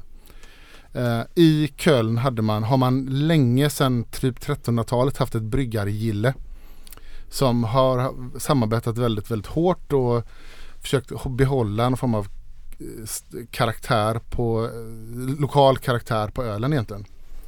Och eh, vad ska man säga, säga, säga mer? Under krigen i Tyskland så förstördes ju eh, det mycket bryggerier. Jag tror att 90% av Köln var liksom sönderbombat eh, av stadskärnan. Det fanns bara två bryggerier kvar i Köln efter andra världskriget. Eh, och Ja, då, och redan innan hade man ju sett att den här lagret började sprida sig i Tyskland. Att, eh, att det här lokala specialitet, specialiteten i, i Köln var lite hotat då, den här eh, ölet. Så att eh, tidigt började man någonstans mm, skriva ner lite grann vad som var utmärkande och vad, hur den här ölstilen skulle vara egentligen. Och eh, man kan också säga att historiskt har Kölsch blivit lite ljusare. Så när lagen och pilsnen då började spridas över Tyskland Mm. då, blev, då, då insåg man att folk vill ha ljusare öl och sådär. Så då gjorde man det lokala ölet som gjordes mycket i Köln blev lite ljusare för att bemöta det men man fortfarande hade det överjäst. Det var fortfarande en ale. Det höll man kvar vid då. Mm. Eh, men jag tänker så här innan vi pratar lite karaktär. Ska vi prova, prova ölet eller? Det tycker jag Det verkligen. kan vi göra. Alltså nu häller du Fredrik upp, eh, vad heter den här som du häller upp? Fry Fry. Kölsch. En rolig grej med Frykulch är ju att det var när bräckeriet startade så importerade de ju även öl. Just det. Och då var det Frykulch de importerade. Det var deras första, det kanske var enda också, importprodukt. Jag vet inte men de, de tog in det ja. Jag kan ju erkänna att det här är... Jag har ju druckit Frykulch massa gånger. Och Jag har druckit Kulch ganska många gånger också men... Jag har faktiskt inte druckit den inför det här avsnittet så nu... Det är nu jag dricker den. Sen vi sa att vi skulle ha den. Man slås ju av att det är ju en fruktigare arom på det här. Det är ju Exakt. både humligt, det är lite citruston i det hela liksom. Exakt, det har en liten, liten, liten, liten syra faktiskt. Ja precis. Alltså det här ser jätte... Och du har hällt upp det i någon sorts vinglas va? Ja, det var de glas jag hade. Egentligen ska det här vara i Kölschglas då. Precis. De här cylinderformade glasen som rymmer två deciliter. Ska det egentligen drickas. Mm. Jag hade inga sådana. För att jag dricker Kölsch för sällan. mm. Och det är ju som en fruktigare lager det här på ett sätt. Mm. Och det är verkligen inget fel med det här. Nej, nej, nej. Eh, just den här smaken är ganska storindustriell så här. Jag tycker den har den här kartongiga smaken. Men eh, det förväntar mig av i stort sett den här typen av öl. Men det här är ju gott. Det här går ju att dricka. Mm. Det är extremt lättillgängligt liksom. Det är ju humligt men inte så beskt så därför kan det mer påminna som en Helles på det sättet. Liksom. Det är, Exakt. jag skulle inte jag skulle inte liksom, det här är inte en pilsner för mig. Eller så här, mots, alltså den är inte exakt. där som man hittar motsvarigheten liksom, utan det är ju mer en Helles i sådana fall. Alltså det vi det- saknar här är beskan. Är det, kan man säga så? Den har ju en, ja, och den ska ju, en Kölsch ska ju vara ganska så här väl utjäst och den har ju en beska men den är inte, den är inte som en pilsner liksom. Den är Nej, ju precis. lättare. Men det som jag fick när jag provade den här för några dagar sedan var att jag fick så här jäkligt intressant association till vitt vin. Som, med, som inte, med utan syre. Ja, jag förstår jag För att den har någon form av vinös ton som är Alltså den har ju en liten, det är, en- det är som nästan som en mjölksyreton i det Mm, skulle jag nästan mm. säga faktiskt. Och den kan ju nästan gå lite åt det spyiga hållet utan att den gör det riktigt här tillsammans med liksom Mm. den här särdigheten som finns i den också. Exakt. Så jag- fick så här när jag- min mamma gjorde vin när jag var liten, vitt vin och som jag tog ibland Mm. från hennes dunk innan det hade jäst klart. så fick jag den, den tonen fick jag. Ja, jag förstår vad du menar. Mm. För den har nästan, det är nästan som en liten krusbärston liksom. Det här är ren och skär nostalgi för dig Fredrik. Ja. Men, och, det, och det är här någonstans min hjärna, jag vet inte riktigt platsen för det här för mig. För att mm, den, den är den är frisk och fräsch liksom. Men den är inte så besk som en pilsner så att den är inte lika fräsch och frisk som en pilsner. Den är inte lika ren och som en Helles. Nej. Så den är, det är någon form av Och för mig är det det som jag tycker, alltså jag tycker verkligen inte det är något fel på en kulsch. Det är till och med gott liksom. Ja. Men jag skulle alla dagar i veckan välja en Helles eller en pilsner framför Mm. det här. För jag tycker att det är intressantare smaker. Liksom. Jag tycker att estrigheten i en lagerjäst som är mildare mm, liksom kommer bättre. Det här det känns mer elegant och det är mer, jag tycker det är intressantare smakmässigt helt enkelt. Och, eh, så om man skulle ha då en pilsner, en Helles och en Kulsch framför mig så skulle jag dricka pilsnern, Hellesen och sen Kulschen liksom. mm. Men det betyder inte att den här är dålig på något sätt men det är en ganska ointressant öl för mig helt enkelt. Mm. Vad tycker du Martin? Alltså, jag tycker ju inte om sån här öl. Jag, jag, jag har märkt att eh, det, som fin, det som vi hittar i en stor stark eller det som vi hittar i en Helles Mm. eller det som vi hittar i viss öl är en malt maltsötma lite grann.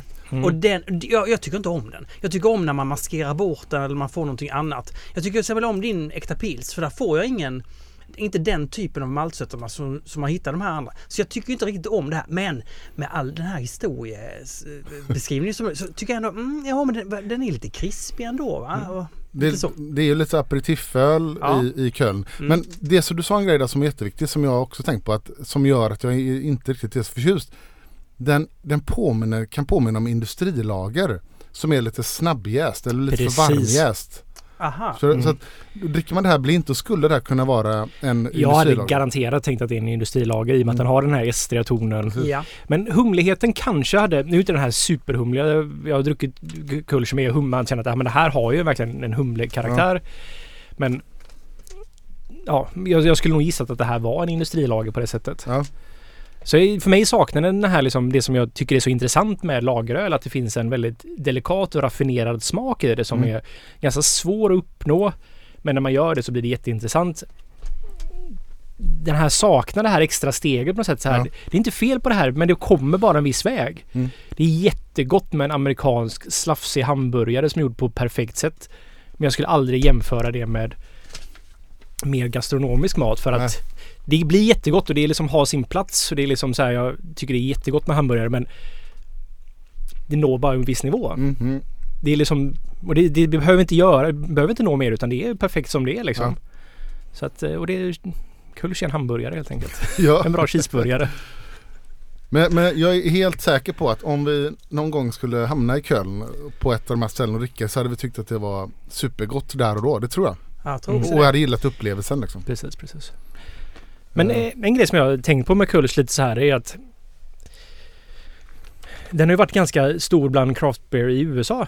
Att man gör Ja. en kulsch liksom, speciellt bryggpubbar gör en kulsch liksom. Och jag har tänkt på det så här, varför har de valt att göra en kulsch? Och så en dag för några år sedan så bara, nu fattar jag varför de gör en kulsch. En brygga mellan in, in, industrilager och ale. Dels det, men det är ju en fruktansvärt enkel öl att göra.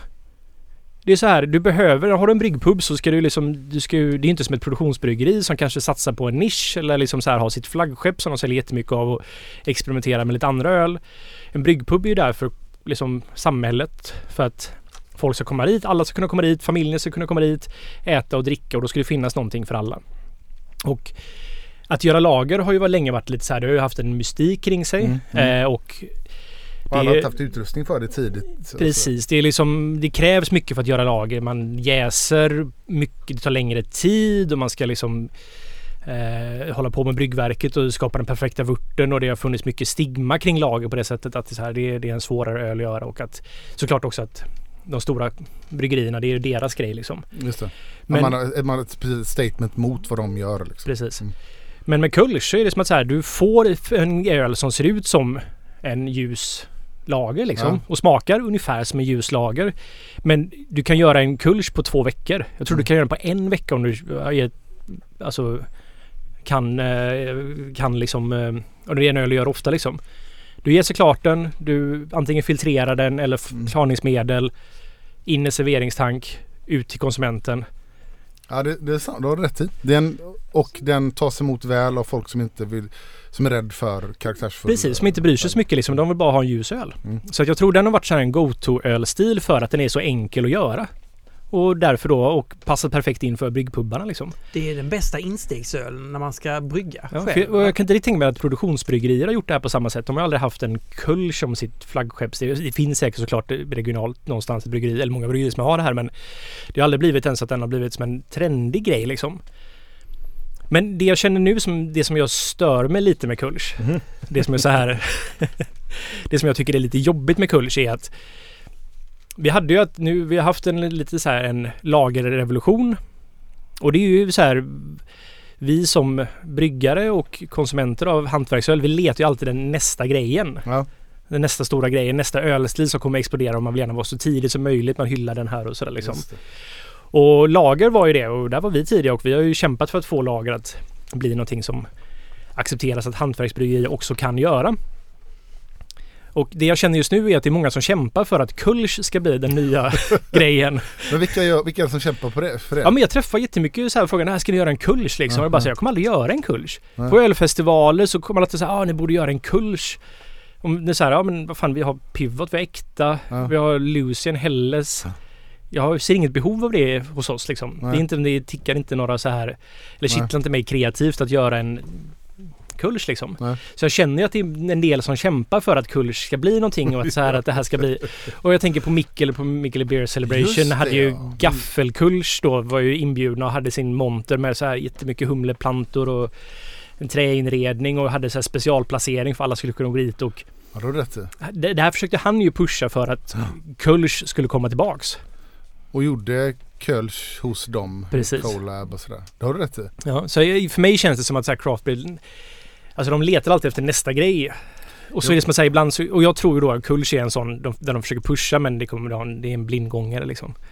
Jag tror inte heller det kommer bli en grej. Nej. Jag ser inte varför. Vad tror du Martin?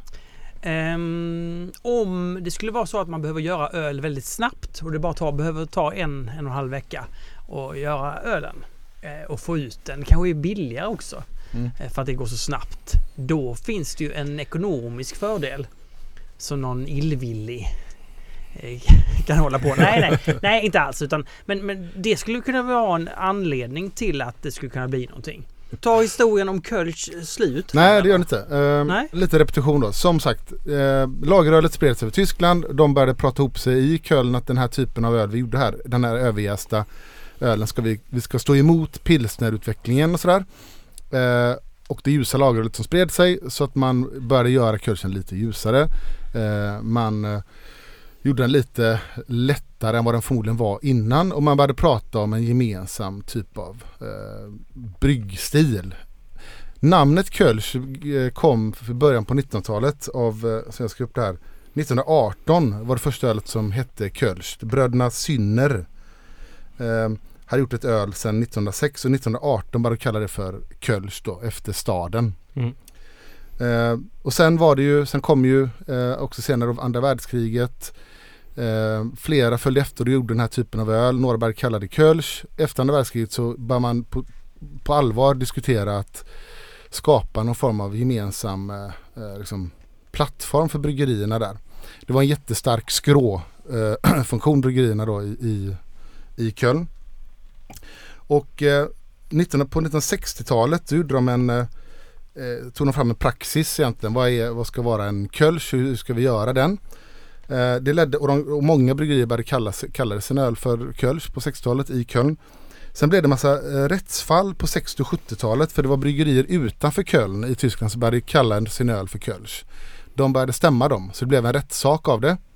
Det här i sin tur ledde till att man på 80-talet, 86, då, då satte sig det här bryggarskrået i Köln eh, ner och skrev en eh, så kallade, eh, det är jävligt roligt, Kölschkonventionen. på riktigt, och jag, första gången jag läste eller hörde om det så trodde jag det var så här att det var ett litet skämt. Men, men på riktigt, de satte sig ner och skrev en Kölschkonvention. Då de skrev ner massa saker. V- vad är en Kölsch? Hur, hur ska den smaka? Hur ska den se ut? Alltså väldigt tekniska detaljer faktiskt kring, eh, kring BU och färg och så här. Också hur den ska serveras, att det ska ha de här speciella glasen.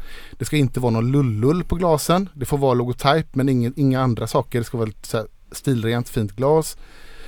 Man bestämde att ingen får kalla sitt öl för premium på glasen eller sådär. Och ingen får kalla sitt öl för original.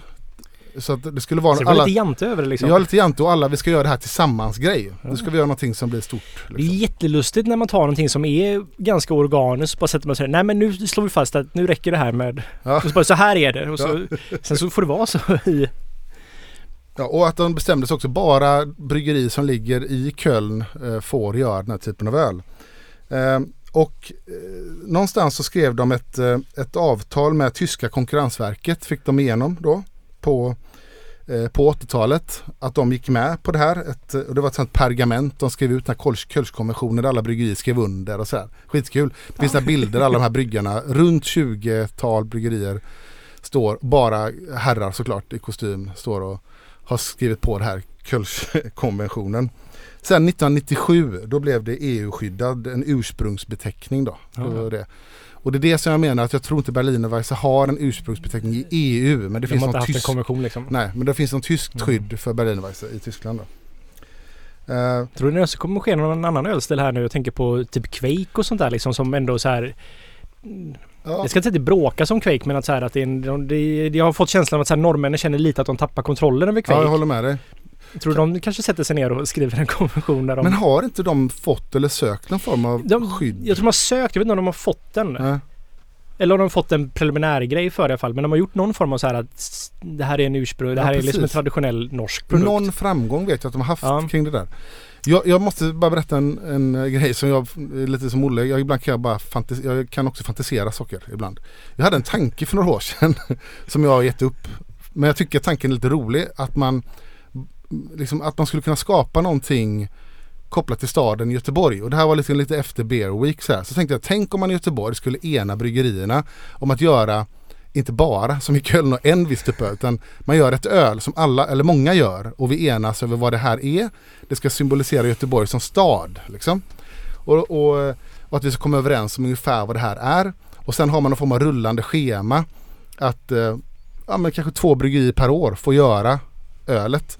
Man ska signa upp sig på krogar. Vissa krogar ska alltid ha det här. Det kommer bli lite sö- sökt i början men efter tio år så kan det finnas en Göteborgsstil. Så tänkte jag då. Och vad skulle det vara? Vad, skulle stilen vara tror ni? Eh, jag skulle variant av, säga en Carnegie Porter. ja, en variant av porter. Mm. Exakt. För att det har vi traditionen här nere vid Klippan. Det finns mycket historik. Men vi måste göra någonting som har också eh, vad är det heter, den här smaken av det du brukar, vad heter det? Te- Terroirkänslan. Terroirkänslan. ja. Vad passar bra med choklad? Toner? Salt. Mm. Vad har vi i Göteborg? Ostron. Saltvatten. Så man tar helt enkelt havsvatten, delar och gör en, en salt porter. Det är Göteborgsporter. Jag så tänkte sådana tankar. Ja men det är ju lite som ostronstout. Får ju en Precis. sälta liksom så det hade väl kunnat funka. Men lite tydligare. Jag är på den här idén. Ja du är det? Ja jag är på det. Men då tänkte jag så här sen, nej men det är alldeles för krångligt. Folk har, det är för mycket individualister. Det är ingen som kommer orka göra det här. Jag måste göra min egen variant med, med donuts i, i så fall. Alltså, Ja, men, men är det i någon stad det skulle, där, där vi har en Göteborgsanda, där vi håller varandra om ryggen, där vi samarbetar?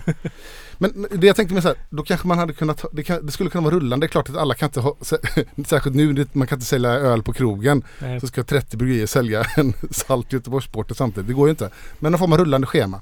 Och om 10 år kanske det är så här, ja men då står det i guiderna om Göteborg så här, den lokala specialiteten är ju, vad vi nu kallar den, salt Mm. Göteborgsporter. Ja.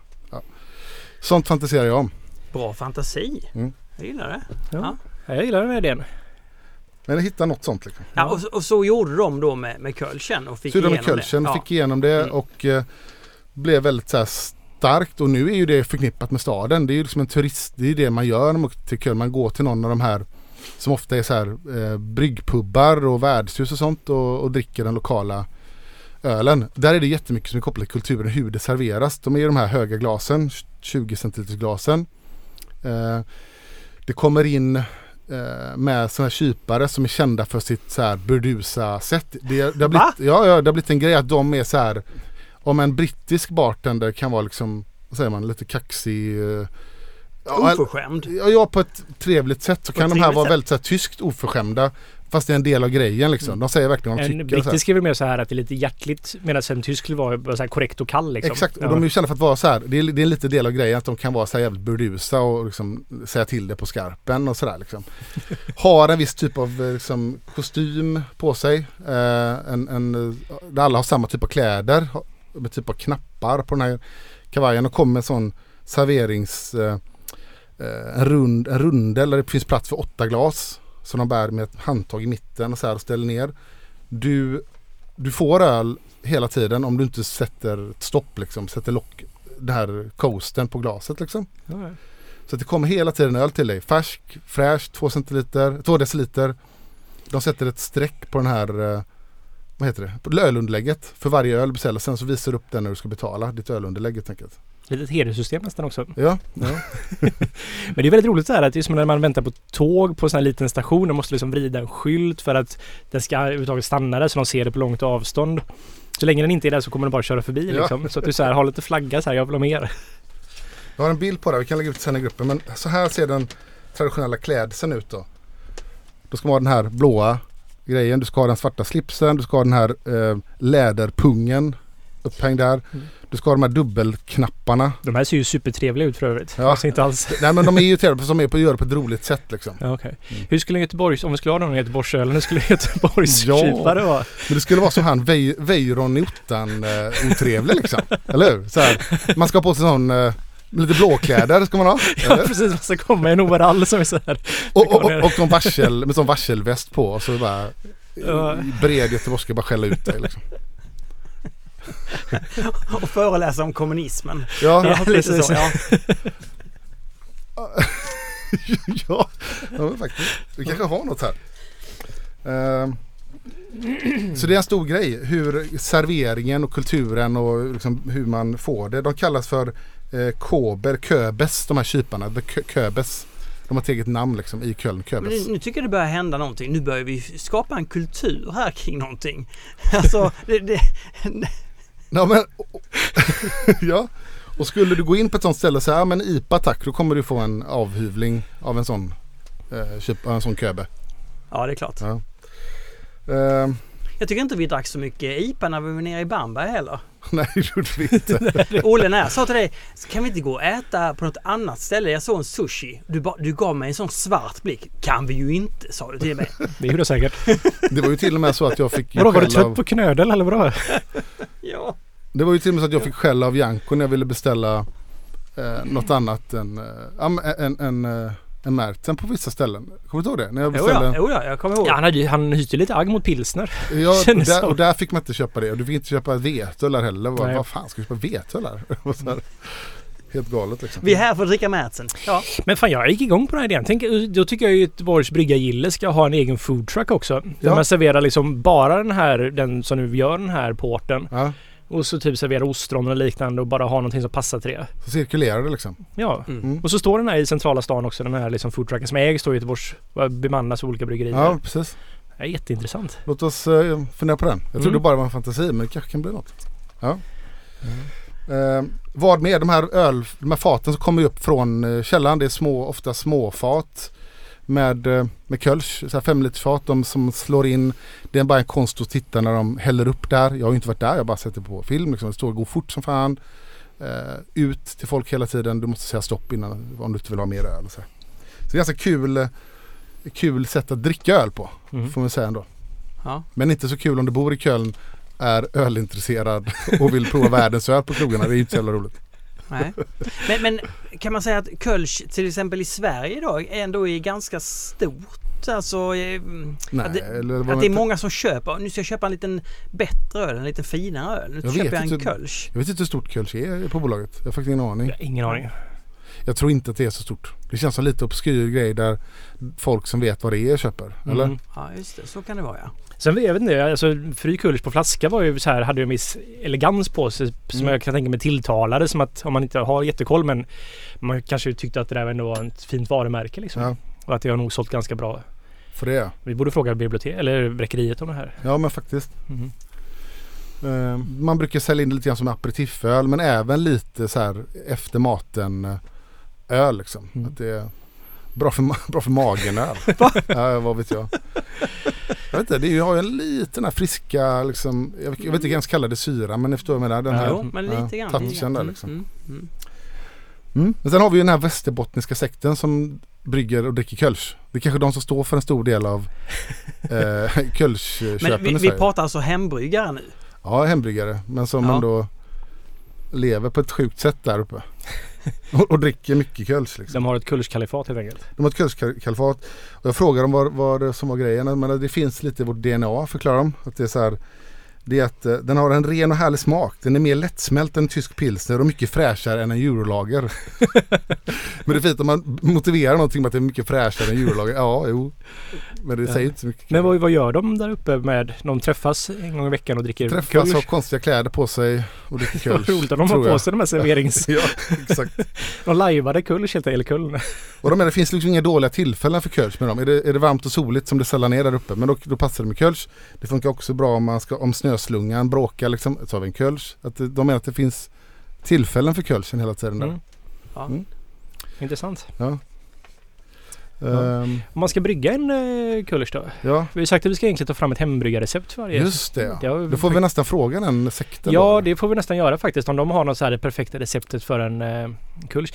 Jag sa till Eric att vi skulle prata om uh, Kullers i avsnittet. Och så frågade jag om hon hade bott i Tyskland och sådär och vad hon tyckte om det och sådär. Och så skickade hon en bild till mig som beskrev väldigt bra hur man gjorde Kullers. Jag skickade den till dig också. det, Eller jag skickade den till er också. Såg du inte Eh, det? Såg du? Den var, den var inte så positiv kan man säga. Nej, Men det, var, det inte. visar ganska roligt den här debatten mellan uh, Düsseldorf och Altbier och Precis. Kölsch. Ja. Tävlingen där. jag, jag tycker också att Kullers lite definieras som att det finns en en, som en, ja, men som en eh, elak tvilling på något sätt liksom. Det är lite som så här. De bygger lite på varandra på något sätt att det finns en fight mellan Altbier och Kullers. ja, det är ju lite roligt tanke. Eh, jätte- är du nöjd Martin eller? eller Jag är, nej, jag är mycket nöjd. Har du mer? Lite mer. Jag kollar bara Ja. egentligen vad, vilka är det som är stora producenter då. Då finns det Radeberggruppen. Eh, de äger Gilden, Küppers och Sion Kölsch. Mhm. Sen finns det privat, ett eh, privatbryggeri Reisdorf. Sen kommer Gaffel och på fjärde plats kommer Fry i storlek då. Okej. Aha. Eh, femte plats Ersquell som brygger Dom, Dom Kölsch har ni säkert hört talas om. Mm. Och eh, Synft. Och de fem största Kölschbryggerierna brygger tio, alltså, tiotals miljoner eh, liter Kölsch per år. Alltså de brygger mycket Kölsch då. Och det mesta säljs i Tyskland? Nej? Det mesta borde ju rimligen säljas lokalt och är liksom, eftersom det sätts på så många ställen och, Och- det är en turist, alla som kommer dit dricker det. Och, Och, men jag vet inte hur stor exportprodukt det är, ingen aning. Vad tror du? Nej, jag har ingen aning faktiskt. Nej. Jag skulle gissa att det inte alls är stort faktiskt. nej, och i Tys- Tyskland så tillhör ju ölen eh, den dagliga maten så att säga. Ja just det. Så man behöver ju inte vänta till fredag kväll för att Nej, ta en men öl. precis. Men de här fem största då, koncernerna eller företagen. Sen kommer det ett ganska stort hopp till Synner som är det här lilla bryggeriet. Det var de som myntade begreppet okej. Ah, eh, Kölsch. Mm. De mindre. Och sen så då läste jag Janko prata om att det finns ett bryggeri som heter Päfken. Eh, är, som är kultförklarad Kölsch. Det är puristernas favorit sa han. så det är roligt att bara att det, det är ju redan väldigt purist eh, liksom, och, och relaterat hela Kölsch-grejen. Och så finns det ett bryggeri som är riktigt på riktigt. det är roligt. Men alltså som jag bara tänker som hembryggare också så här så är det ju en ganska bra öl som husöl faktiskt i och med att den är enkel att göra och går snabbt och sådär. Ja. Jag hade ju Bohemia som hembryggare som var min eh, go-to-öl för den tog liksom två veckor att göra. Liksom en pilsner med allt. Det var bara, du kunde nästan inte göra fel med det liksom. Nej den är ju väldigt enkel öl och sen en del har liten andel vete i. Okej. Eh, men, men det har minskat tydligen. Men Ja. det är för att dels bygga skum och Jag kan tänka mig att chitmalt skulle funka rätt bra i den här typen av öl. Få lite mer sädighet och sådär också. Shitmalt. Nu, nu säger du det i varje avsnitt. Ja. Det är grejen. Ja. Det tysk, det. Det är eh, bra. tysk Nobelhumle är liksom lite självklart i den här Mm. typen av öl. Mm. Vad ska man säga mer? Ja. 4, vad är Den var 4,8 var den. Jag tror 4,8 fy. Nu pratar vi om nästa eh, avsnittsöl. Alltså det här var ju en intressant resa. Kan vi få en lika intressant resa nästa månad? Det här var faktiskt jätte, Jag lärde mig jättemycket om Kulch. Jag, Jag med. Jag, kan, jag har ju inte varit där och jag fick vara tvungen att läsa på lite. För jag, det har ju bara varit en tråkig öl för mig. Men det finns ju lite roligt kring Krams, kringkrams, Mm. vad heter det? Krimskrams runt. är det här till och med kanske den ölstilen som absolut är mest väldefinierad av alla ölstilar? Ja men det, det har du fan rätt i. Det kan ju inte vara något annat. Ja, men eftersom det är bara de som får kalla det Kölsch och alla, alla brygger på ett visst sätt enligt Ja. en viss definition liksom det är bara det är ju jätteintressant. Ja det är det faktiskt. ja men eh, nästa eh, om, om nästa, nästa gång då, då har vi valt en ölstil som eh, som jag vet att vi pratade lite om på Närke och som där, där, eh, där vi verkligen sa att ja men det här är ju inte, det här behöver verkligen inte vara så som det låter på svenska. Eh, det vill säga ölstilen bitter.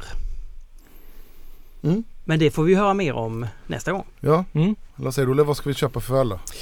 Oj. Eh, finns ju, London Pride finns bolaget va? Ja. Det är ju en väldigt, för mig, klassisk bitter. Det var så jag lärde känna ölstilen bitter. Ja, min, Eh. min klassiska bitter är ju Närke bitter. Och den blir ju klassisk i Örebro somras. bitter.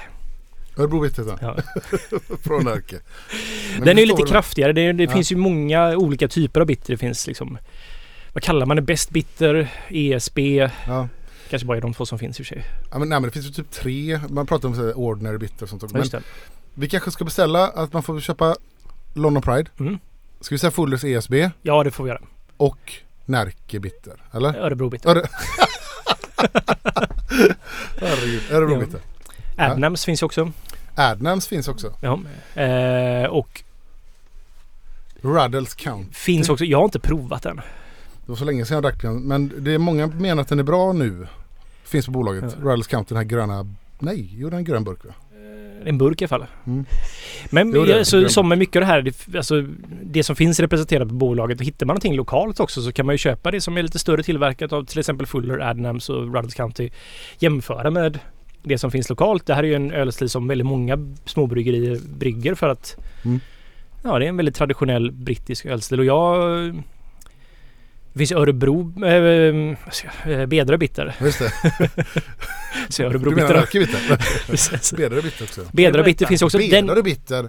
Är ju för mig väldigt god men kanske inte så ett bra exemplar på en bitter. Nej, det, jag håller ju med dig men det kommer nog många. Det, det, den har ju så sjukt många fans. Ja, Folk kommer bli förbannade om vi inte föreslår Bedare bitter. precis. Ja, så det måste vi också göra. Men den då. Man, det är roligt att kanske kunna jämföra hur bitter, olika typer, hur man kan tolka den här ölstilen. Ja men det har du rätt i. Ja. Man kan också köpa den. enkelt. Har du bitter i namnet, köp. Förväxla inte med spritsorterna eller aperitifgrejerna bitter Ja, bara. fan. För övrigt så är ju Beda Witter en av Idas eh, favoritöl. Eller var det åtminstone. Nu kanske det inte är. Det var kanske ett tag sedan. Mm, Eh, och eh, vi tackar Ina för klippningen av det här avsnittet. verkligen. Tack Mm. tack. Tack, tack. Och så går man med i Svenska Ölfrämjandet. Ja, och så blir man Patreon. Eh, mest för att visa kärlek med pengar. Mm. Det är, ju- behöver inte vara så mycket pengar. Man kan ge en dollar per avsnitt. Fast inte per avsnitt längre. Utan det är per månad istället. Vilket är ett per avsnitt. Förutom, Nej. eh, förutom extra grejerna Ja, nu kommer det ju en massa med extra grejer. Ja. Och det kommer mer desto mer Patreon vi har. Och vi kan göra ännu roligare grejer ju mer Patrons har, eller? vi, Vi, vi kan åka till Köln.